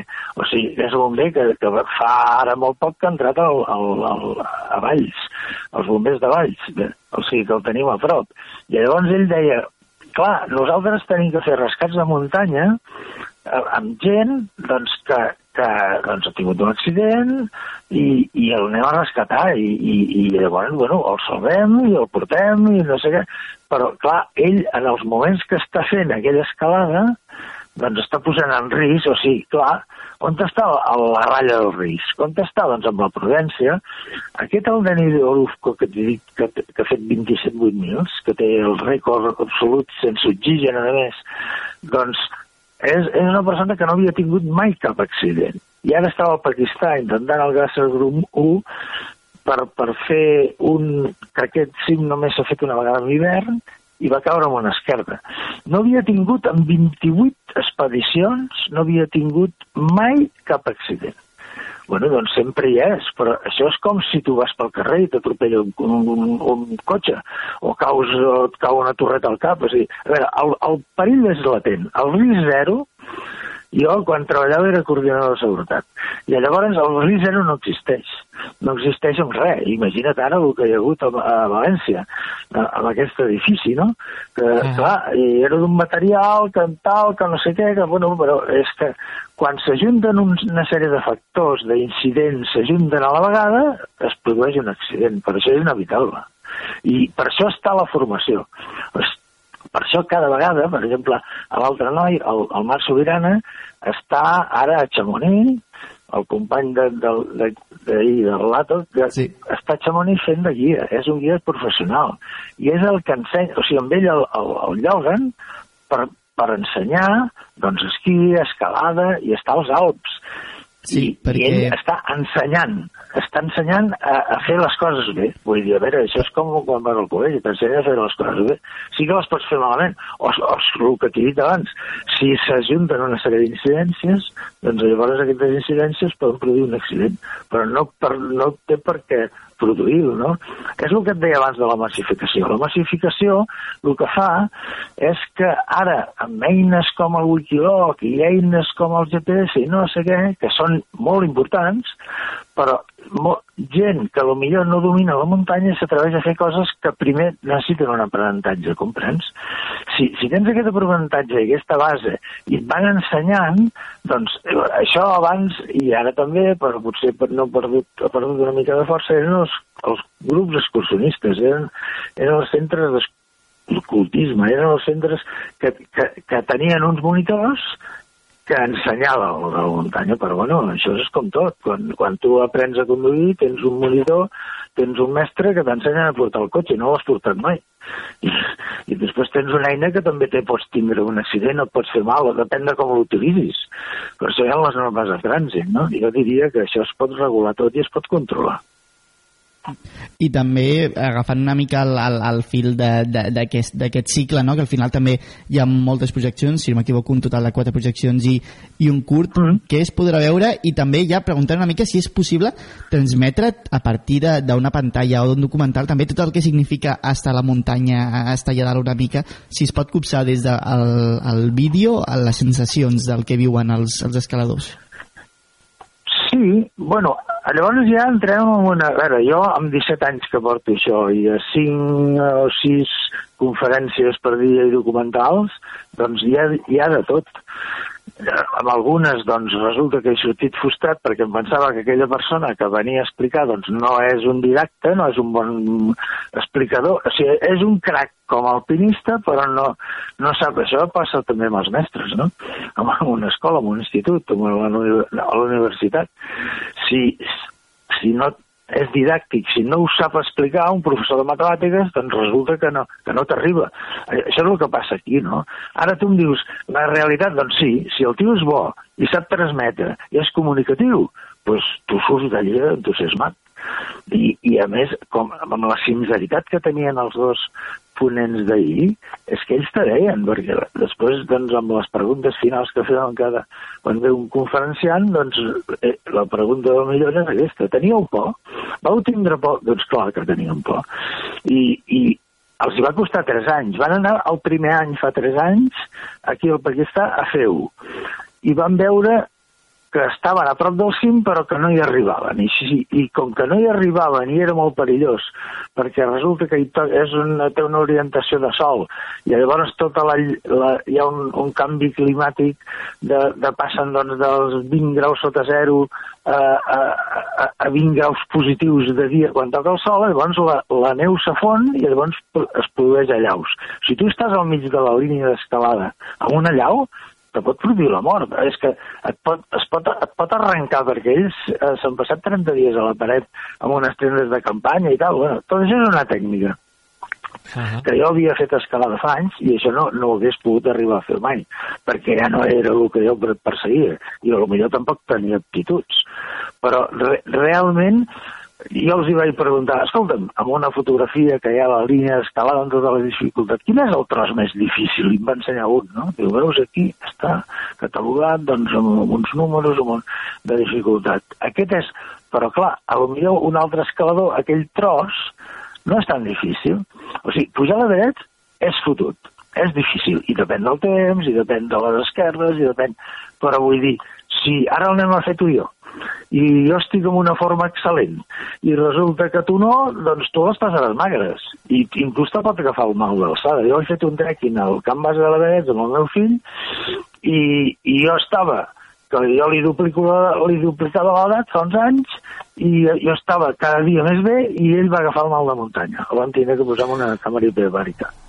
Crec que, crec que, el, que, el, que l'Aleix i jo no, no aniríem a, a l'Everest, no, no ens hi veiem no, amb cor. No, no, no, no, però escolta'm una cosa, és curiós això, perquè hi ha gent... No, no, és que, és que hem vist imatges, senyor Sales, hem vist imatges de l'Everest cua com no, si fos no. per anar al supermercat.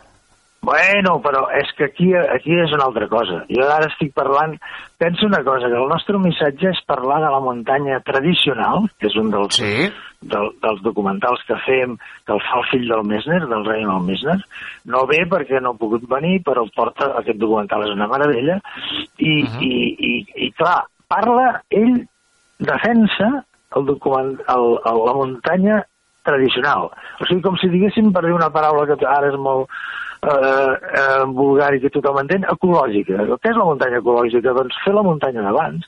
És no, no anar a l'Everest a fer una cua bestial i pagar un munt de mils d'euros de, per pujar i que t'hi pugin i cordes fixes. No, no. És que aquests que van ahir a fer les conferències no hi havia cap corda fixa. M'entens? O sigui, llavors, uh -huh. pensa que, que hi va, va fa uns anys el K2, que, és, que té fama, bueno, és un dels pics més difícils, doncs ara ja no és tan difícil. Segueix sent difícil, però per què? Perquè els xerpes hi posen una corda fixa. Doncs fa uns anys aquesta corda fixa va haver una tempesta i la va tallar. Llavors, eh, inclús un, un escalador molt famós, que a més va morir a l'Himalaya, Alberto Zaraín, ens ho va explicar en una conferència. Ell va pujar pel matí, es va creuar amb gent que pujava quan ell ja havia fet el cim, i els va dir, d'on vais? Era basc aquest, era una excel·lent persona. ¿Dónde vais? Ah. No podeu subir hasta ahora, és, és muy tarde, perquè clar, arriba un moment que han de donar la volta perquè no et pot agafar la nit, m'entens? Perquè llavors, uh -huh. i a més venia amb el temps, o sigui, hi havia un munt d'incidències que, que, que, bueno, doncs ells van seguir perquè estaven molt, molt a prop del, del cim. Doncs és que va passar que va vindre una tempesta, eh, una allau va tallar la corda i ells baixaven amb boira després de fer el cim per la corda i com que estava tallada i sense corda fixa no saben fer-ho i en llocs que hi ha uns precipicis impressionants doncs a, a mesura que anaven baixant s'anaven matant, o sigui, anaven caient al buit. Doncs aquí està. Vull dir, a veure, sempre a la muntanya, jo he après, sempre s'ha de saber dir que no. m'entens? I és el que et deia d'aquests dos nois, no? Aquests van tardar tres anys, van anar un any. Van veure que no podien i que...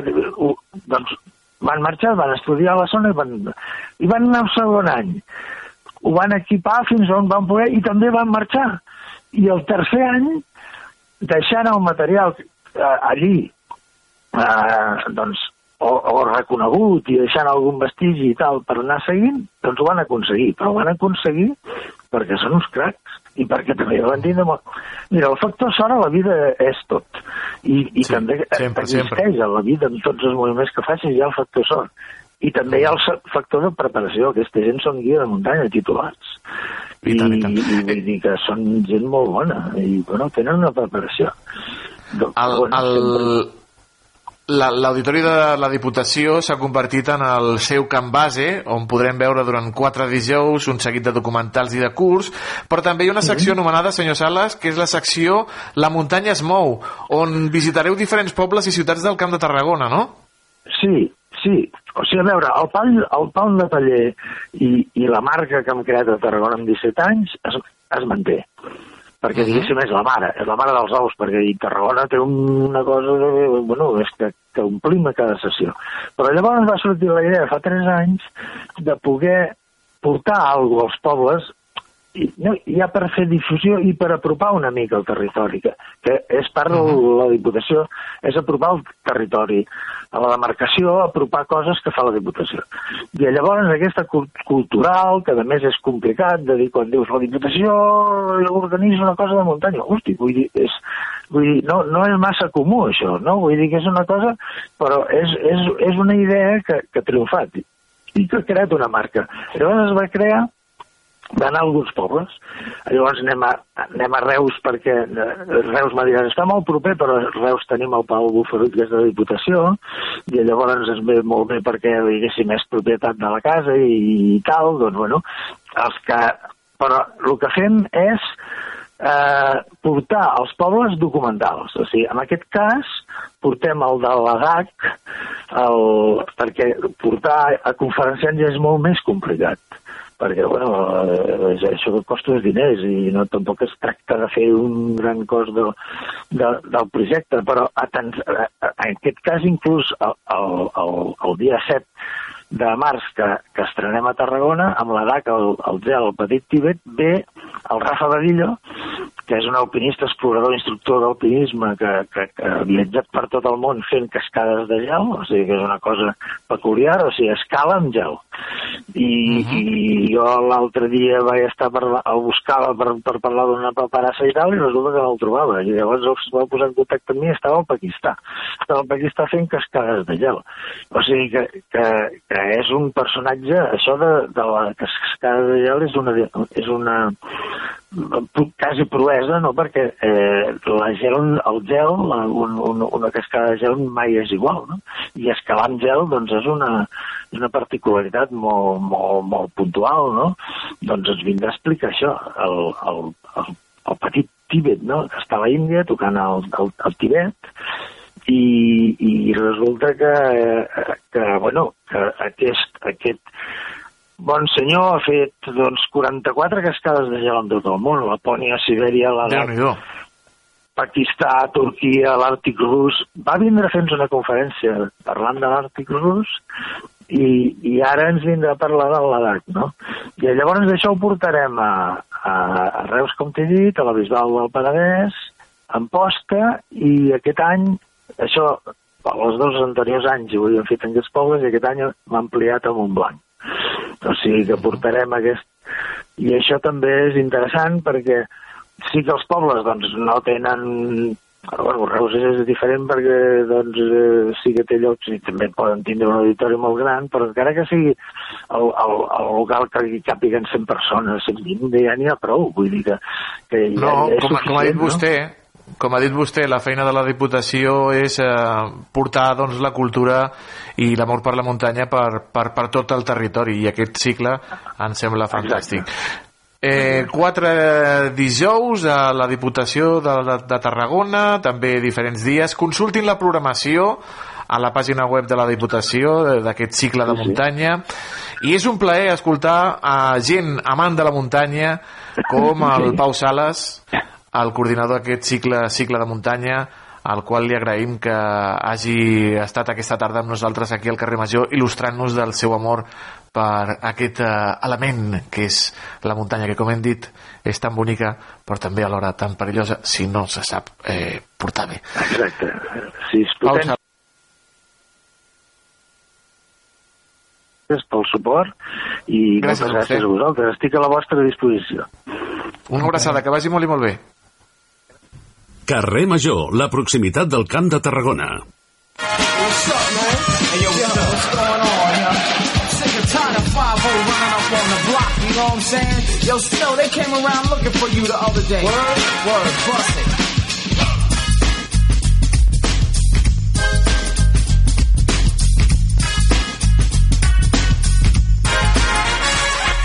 Informer, you know, say that I'm a stormy, I go blam.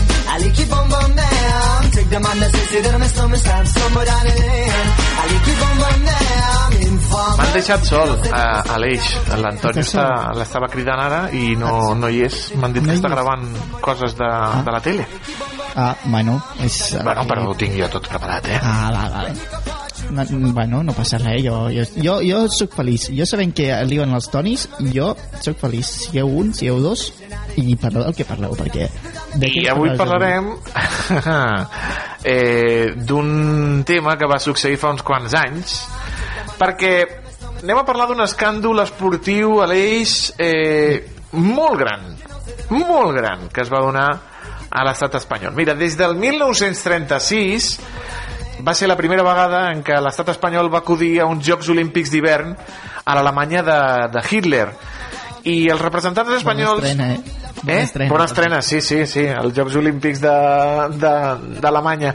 Eh, doncs eh, els representants espanyols només han aconseguit emportar-se dues medalles cap a Espanya.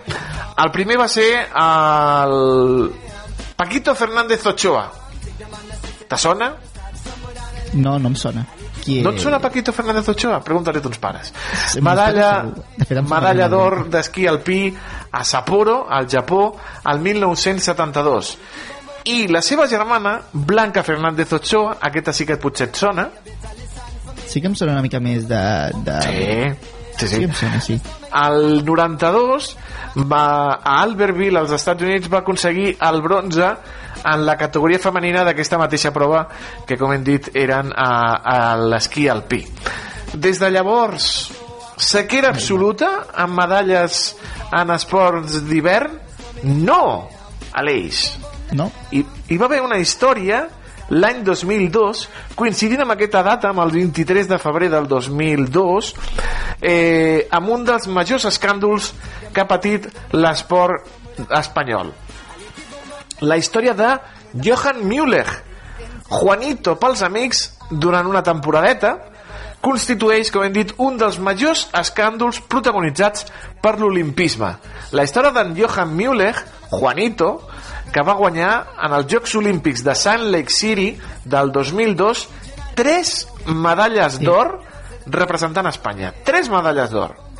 Molt bé. Els mitjans de comunicació no van dubtar en encombrar aquell esportista nascut a Alemanya, eh, que durant uns dies eh, va fer que Espanya tots sabéssim d'esquí. Eh, fins i tot recordo que en els sopars familiars els cunyaos parlaven d'esquí, sí, perquè Juanito, no sé què, no sé quantos, bueno.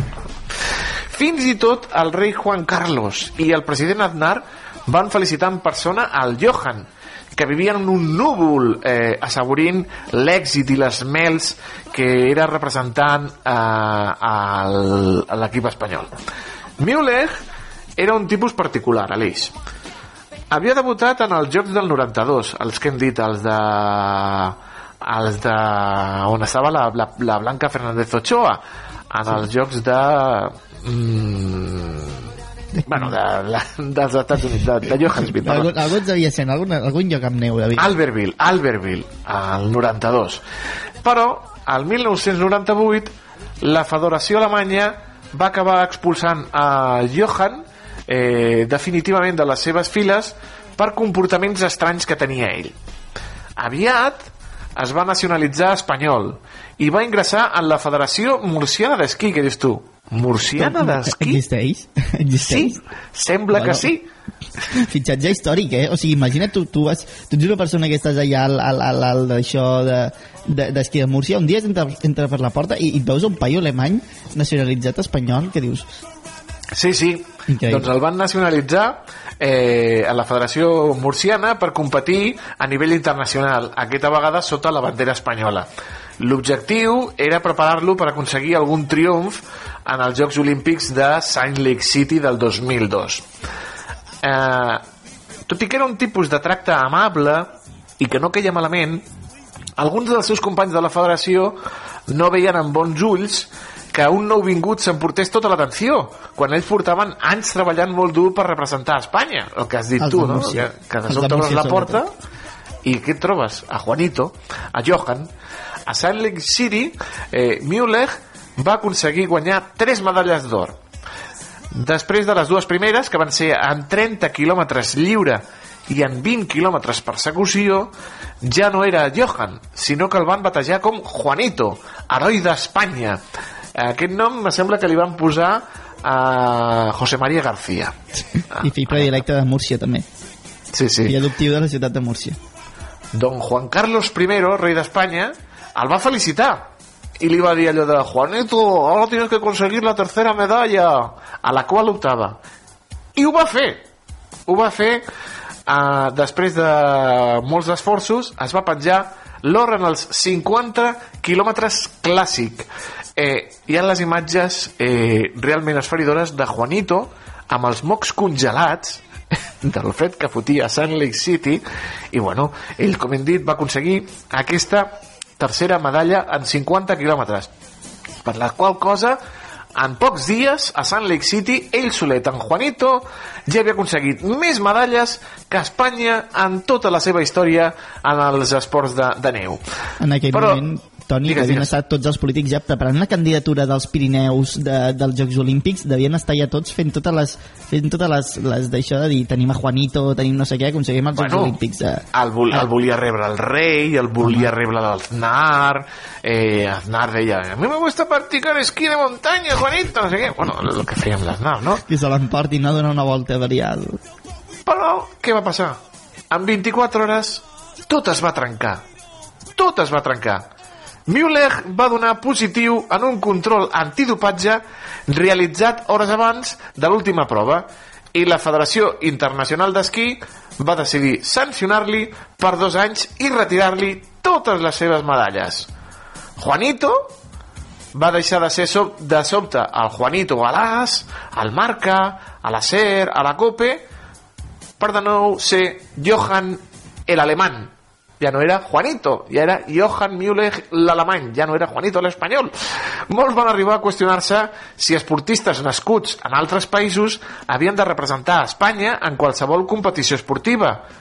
Molts també van culpar l'entorn de Johan per aquest positiu, perquè l'esportista afirmava que no havia estat conscient d'haver ingerit d'arbeopoetina, una espècie d'EPO que en la seva època es considerava indetectable. Finalitzats els jocs de Salt Lake City, Müller es va sentir abandonat pel seu país d'adopció, per Espanya. Oh, oh. Què va passar? Doncs que va estar complint aquesta sanció. Sí, clar. I el 2006, un cop ja havien passat aquests dos anys de sanció, es va inscriure per participar de nou en la delegació espanyola en les Olimpiades de Turí. Vamos. Però, sí, Estem sí, sí. somiant, eh? Ell somiant, però setmanes abans de l'inici del torneig va decidir abandonar afirmant que no se sentia eh, recolzat per la Federació Espanyola. Clar, home, després de l'escàndol, No, Juanito. no, Juanito. Müller es va retirar de l'esport professional i va desaparèixer de la vida pública. Oh! Per aquí ve la qüestió. La seva mare va confessar lo molt que havia patit el negoci de la família. Tenien un hotel a Landaus, l'hotel Landaus a Greinau, que està a uns 100 quilòmetres de Múnich i per culpa de l'escarni públic que en Johan havia patit després de Salt Lake City, doncs el negoci familiar perillava. La Magdalena Müller, la mare de l'esquiador, va arribar a canviar-se el cognom per de pel de Einban, Magdalena Einban, per no continuar perjudicant l'hotel. Malgrat que tota la família sabia on estava amagat en Juanito, el seu parador va ser un misteri durant molts anys. I Juanito va canviar la muntanya per la platja. Perquè finalment, un diari suec, l'Expressen, el 2014 va trobar a Juanito Müller. El seu nom, Juanito. Juanito, apareixia vinculat amb una empresa constructora brasilera, la Jericons Construccions. I fins a Brasil que se'n van anar els periodistes de l'Expressen per buscar el Juanito a la porta de la seva empresa. Els seus treballadors no tenien ni idea de que el Johan al seu cap havia estat esportista olímpic ni coneixien la història del dopatge del seu jefe. Van explicar que estava casat amb una brasilera i que tenia una filla de 4 anys, que era un jefe amb el qual era molt fàcil treballar i que li agradava molt practicar surf. Finalment, la gent de l'Expressen van trobar el 2014 a Juanito Müller, a Johan Müller, que va dir als periodistes no vull sortir en premsa, no em feu fotos, no vull explicar res de la meva vida, ho he deixat tot enrere. I fins aquí la història d'en Juanito Müller. Escolta, Johan. Toni, Ma Toni Mateus, Digues, eh, m'ha caigut superbé, superbé Juanito, o sigui, és una història de superació, d'acord, un problema, un petit error, no el té tothom en algun moment de la Bueno, seva vida. un petit no coneix error, no sé jo, Petits eh? errors que passen, si a més era una, una substància d'herbe o poetina d'aquestes que no sabia ni, ni, ni d'on sortia. Un error el té tothom, Toni Mateus, però si treus aquest puntet, aquest petit historial negre, la història de, de Juanito és de calaix. M'agradaria que tornés a Múrcia, que fes una tornada i a fes una tornada triomfal d'aquestes de... obrint la porta, hola! A més a més era molt divertit perquè no dominava l'espanyol i, i clar, l'enxufaven amb la tele o li deia al José María García Juanito, buenas noches y aquel, hola José María, ¿cómo estás? ¿cómo estás? ¿no? y estoy muy nerviosa, sí, muy nerviosa por mañana bueno, però, no. Nerviosa. però bueno, eh, coses que passen eh, com has dit tu, un petit error bueno, Un petit error el té qualsevol Toni Mateus. També en, eh, potser dius tu que no sabia que s'estava fotent fins a dalt, no? la fabada asturiana aquella que es va prendre abans de sortir potser tenia alguna cosa que no sabia. Aquesta, entre aquest EPO, no? Invisible. Sí, clar, clar. doncs aquesta és la història del Juanito Müller. Doncs vinga, si et sembla, Sí. eh, estimat Aleix, anem amb la banda sonora. Cada tarda de dilluns a divendres fem parada a Carrer Major.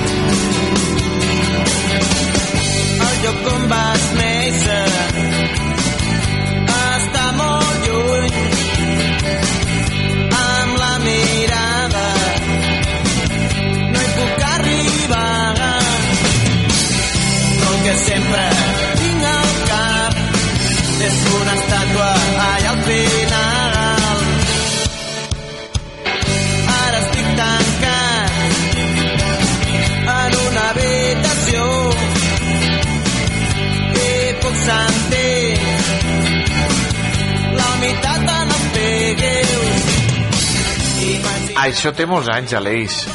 Fa pinta, perquè quan a mi no em sona jo dic això, això ja és més de la teva època que de la meva. De la meva època, sí, sí, és un, un dels grups que sonaven en, en aquelles èpoques.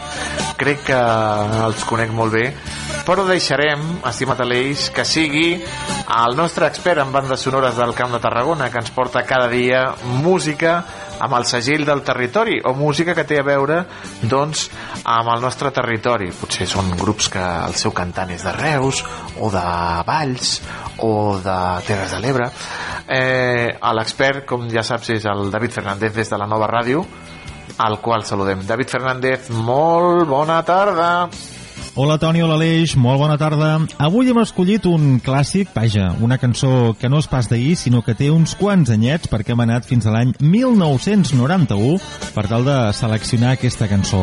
Avui us volem presentar els Beatles, una formació nascuda a Tarragona l'any 1989 que va estar en actiu fins l'any 1996. Avui us posem els Beatles perquè, mira, perquè ens ha vingut de gust recuperar una formació musical com aquesta, una banda molt divertida que es va fer un par de fer concerts que durant en aquella època, com que eren de la mateixa colla dels Pets, doncs van fer de taloners de molts concerts dels inicis del de, dels de Constantí i a poc a poc doncs van anar fent-se una trajectòria pròpia amb dos discos que ens van deixar. L'any 1991 editaven Ni cap ni peus i l'any 1994 publicaven el seu segon disc anomenat Dos minuts.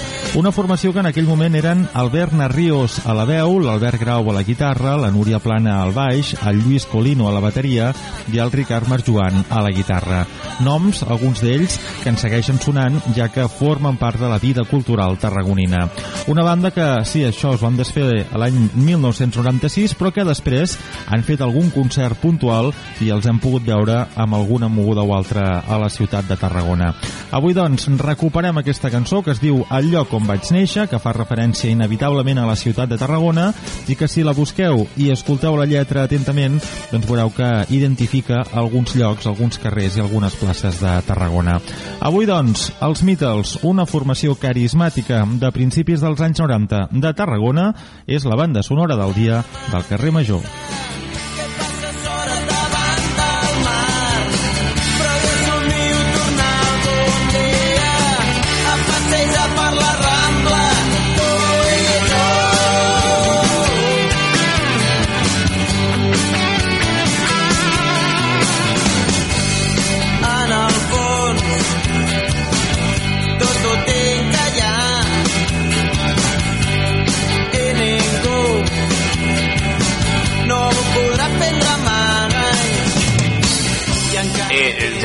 1991, ai, oh, ai, el Toni. Això t'anava a. Jo saps que tinc l'esperança, Toni Mateos, Digue'm. que hi hagi algun dia que el David no hagi una banda sonora i sigui d'algú de, de, de, de la ràdio. De, tu no tires algun grup o vas fer música o alguna cosa? No, no, no, no. Jo, bueno, no, no, no, no he fet música, no, no. no, no. Ma, a veure, t'ho has pensat molt, eh? Jo crec que pensar-t'ho A tant veure, vol dir una que vegada alguna maqueteta, intentar- alguna cosa, a- la unit al garatge amb alguns amics. Sí, sí, vam intentar-ho amb uns col·legues, però uf, no va, no va funcionar, no va funcionar. Vam veure que la música no era el nostre, no, no, no, i a més a més eh, eh, és molt sacrificat el món de la música i Sí, clar, si toques tres acords i dius "Vam, anem a muntar una banda. No, no, no, no, això no és tan fàcil. Els Beatles, ai, 1991 aquells anys, sí, sí, clar la moguda de Pets el famós concert de les 10 hores del rock. Ai, me faig gran. Eh, Aleix eh, Digue'm. anem amb la nostra furgoneta si et sembla, amb la Cristina som. Artacho. Vinga, som-hi doncs. Què ens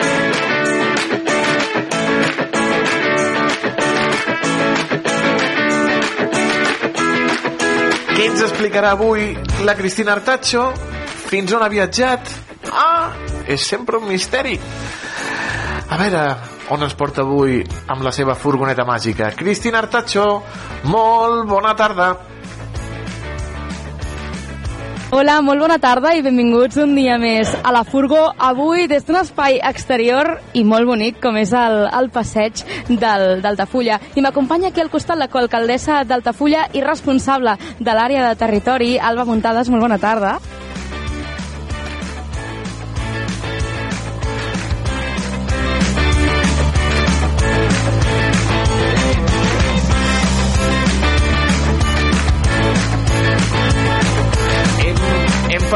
Mica la I connexió. per què? Doncs perquè Torna, torna. venim a parlar d'aquesta finalització o quasi finalització de les obres d'adequació d'aquest passeig. Després recordem dels temporals de l'octubre i el novembre, en la que ja es va fer per part de Costes de l'Estat una intervenció urgent. Molt bona tarda. No sé si ens pots explicar realment en què ha consistit aquesta segona intervenció que heu assumit des de l'Ajuntament. Sí, doncs en aquella actuació d'urgència el que es va fer va ser per, per parar el cop doncs, apilar un, un, una sèrie de pedres a la, a la zona on s'havia esfondrat el passeig per evitar que es continués eh, desfalcant per sota i a, el, i a continuació Costes de l'Estat va actuar en l'escollera però només en els dos extrems del passeig no, no en, el, en el centre, que és el que li va faltar. I en aquestes obres de, de reparació el que s'ha fet és doncs, actuar en l'escollera en aquella zona on Costes no va actuar que era la zona també més exposada i més afectada eh, i reforçant-la amb pedres més grosses i fent una mica més ampla seguint el model que va fer Costes als dos cantons. I eh, el, el que es va fer retirar les pedres que es van posar al damunt en en el moment de l'emergència, que eh, les més grosses també han servit per, per reforçar l'escollera, i aleshores eh, tornar a aplanar el passeig, va, va formigonar-lo per, per recuperar l'amplada que tenia i mantenir l'espai útil que, que hi havia abans de, de l'esfondrament una mica la, la intenció no, d'aquesta obra és garantir que el passeig es pugui transitar amb normalitat i que sigui segur per tots els usuaris que venen aquí a passejar. Ah, exacte, com que aquest any també preveiem que els usuaris vindran més aviat, també ja per, per fet amb aquestes temperatures ja en, en els mateixos caps de setmana d'hivern ja hi ha molta gent per aquí i ara arriba Setmana Santa d'aquí res, doncs volíem que això estigués el més aviat possible, eh, doncs això, que estigués útil, l'espai útil es recuperés i fos segur per tots els usuaris, tant del passeig com, com de la platja. No sé com s'afronta no, des de l'Ajuntament d'Altafulla el fet que a causa del canvi climàtic és probable que aquest mateix any o l'any que veu quan sigui hi hagin més temporals que també tinguin algun tipus d'incidència amb el passeig. Exacte, doncs per això una de les raons per la qual s'ha reforçat l'escollera i s'ha fet aquest manteniment que eh, mai s'havia fet de, de, del, de l'escollera del passeig, doncs és per, per, per aquest motiu, protegir el passeig i més important i més enllà d'això, protegir les cases que estan adossades al passeig i que es recolzen sobre, sobre ell. És un espai, com deies, molt bonic i que més està reconegut com a, com a d'interès nacional en el conjunt històric-artístic del poble i per tant cal, cal mantenir-lo i, i per això doncs, aquestes obres, sobretot de reforç de l'escollera, han anat encaminades a, a protegir el passeig, però perquè el passeig protegeix la, les cases. A partir d'aquí, a veure com, com s'engloba tot això amb l'estudi que estem donant a terme la de, de l'OPC de, de corrents marins i la distribució del sediment, que ha de permetre doncs, eh, estudiar un, un, una solució a mig termini i que també ha de lligar a veure com ha de ser aquest passeig amb aquest mig llarg termini que, que casi que pugui ser una solució estable per aquest, més o menys estable per aquest entorn inestable. No perquè comentàvem no, aquestes dues intervencions que s'han fet els darrers mesos, una per part de Costes, una per part de l'Ajuntament. No sé com és realment aquesta relació amb Costes de l'Estat i què és responsabilitat d'aquí perquè també heu tirat endavant o teniu la intenció de tirar endavant aquest tràmit perquè el passeig sigui propietat d'Altafulla com a tal. Més que propietat, és això de re, re, responsabilitat d'Altafulla. Eh, sí, aquest passeig està construït damunt de domini públic i per tant el domini públic és responsabilitat de, de l'Estat. En aquest cas l'Estat ens va comentar que ja no, no es feia responsable del manteniment de, ni obres de reparació de, de passejos marítims i ens va encoratjar a demanar aquesta, aquesta concessió per poder fer-nos càrrec del manteniment des de l'Ajuntament.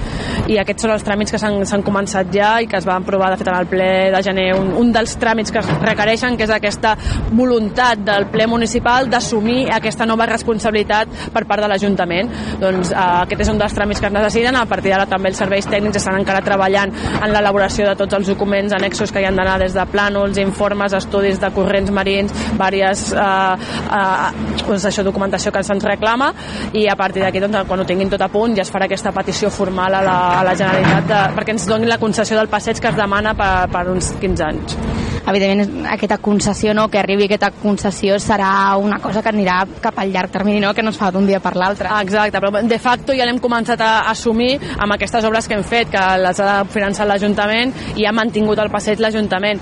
Uh, la diferència és que ara hem hagut de demanar com que això encara no tenim la concessió hem hagut de demanar l'autorització formal d'aquestes obres a costes de la, de la Generalitat i de l'Estat i quan se'ns hagi donat la concessió del passeig ja no haurem de fer aquest tràmit d'autorització perquè ja tindrem l'autorització de la concessió I ja per, apagar, per acabar, perquè sembla que no en tingui relació, però en certa manera sí que en té, precisament ahir dijous, en un plenari extraordinari, l'Ajuntament d'Altafulla va per fer aquesta aprovació inicial per a l'alteració del terme municipal, que us donaria 70 hectàrees més que ara mateix pertanyen a Tarragona i que són unes hectàrees que no podem veure des d'aquí on som nosaltres ara perquè afecten doncs, pràcticament fins a la desembocadura del riu Gaià, que és fins on es vol que arribi el terme municipal. Eh, no sé quina és la postura després d'aquesta aprovació inicial en plenari. Bueno, com dèiem ahir al plenari, és una zona que de facto ja estem treballant-hi molt com a administració competent encara que no ho som. Eh, donem molts serveis la, i la gent que, els, els veïns que hi viuen, que no són gaires, però hi ha, un, hi ha uns quants veïns que fan, fan vida a Altafulla i utilitzen els serveis d'Altafulla de, des de la brossa fins a l'aigua i per, també passen per llars d'infants i escoles i, i el, o llars de jubilats. Per tant, el que demanem no és res més que es, eh, es materialitzi oficialment el que de, de facto ja estem fent, la, la, o sigui, els serveis en aquesta zona doncs, que quedi eh, ja definitivament posat que, doncs, que sí, que són d'Altafulla perquè estem efectivament donant aquests serveis en aquesta zona.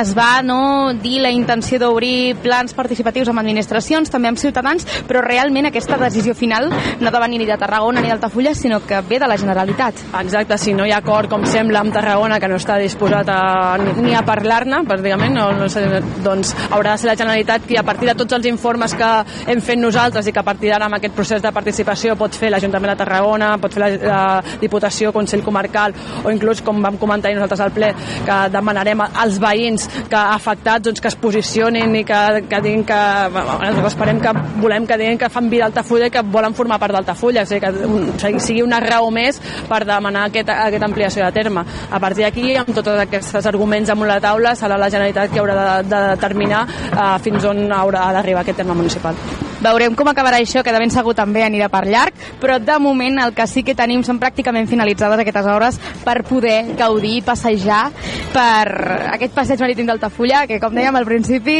és molt, molt, molt xulo.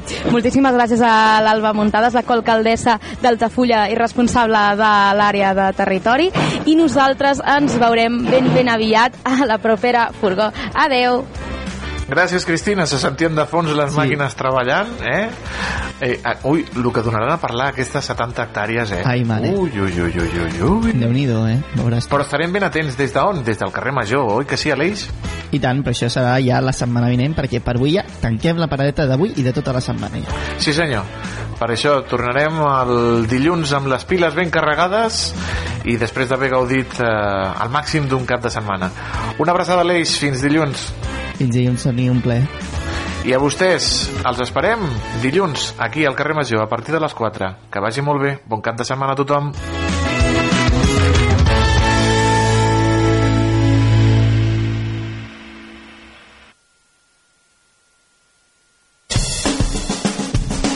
Oye José, escúchame que no lo hice queriendo. Yo te fui a buscar y me lié, por cierto. Qué día más bueno.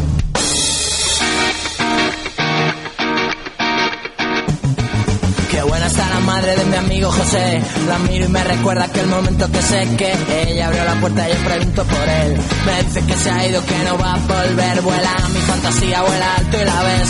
Tumbada en el sofá y yo dentro del chalet. Revivo aquel momento que me hizo perder. Esos pocos papeles que yo puedo tener. Que ahora estoy quedándome muy loco. Lo que yo estoy es un poquito nervioso. Que la de José me está volviendo loco.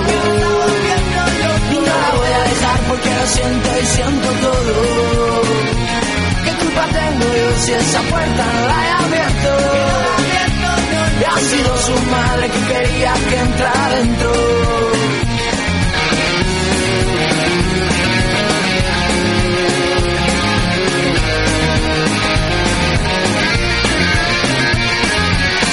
Escaleras del humilde chalet. Con su madre en mis brazos rodeándome Tumbado en esa cama había mi amigo José. En un portarretratos ahí mirándome Pasó lo que pasó y ahora no duermo bien. Me hice casi obligado, no sabía qué hacer.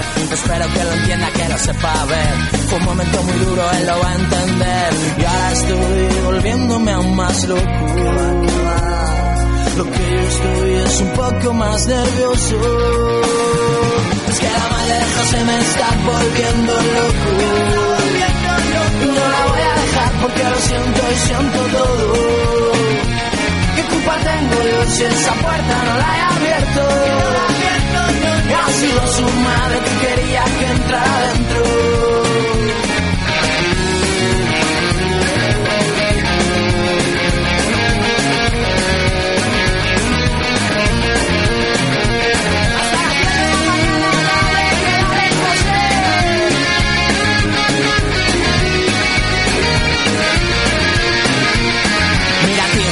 Que no soy un mal tío, que soy muy sensible y lo hice con cariño. No quiero que pienses que de ti me río, que me gusta tu madre José.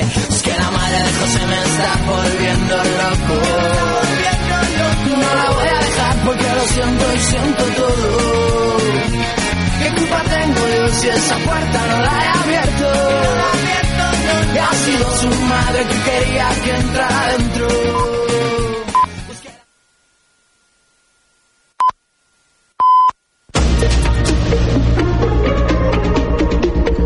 Notícies en xarxa. Bona tarda, són les 6. Us parla Mercè Roura. L'Ajuntament d'Olot ha convocat hores d'ara un minut de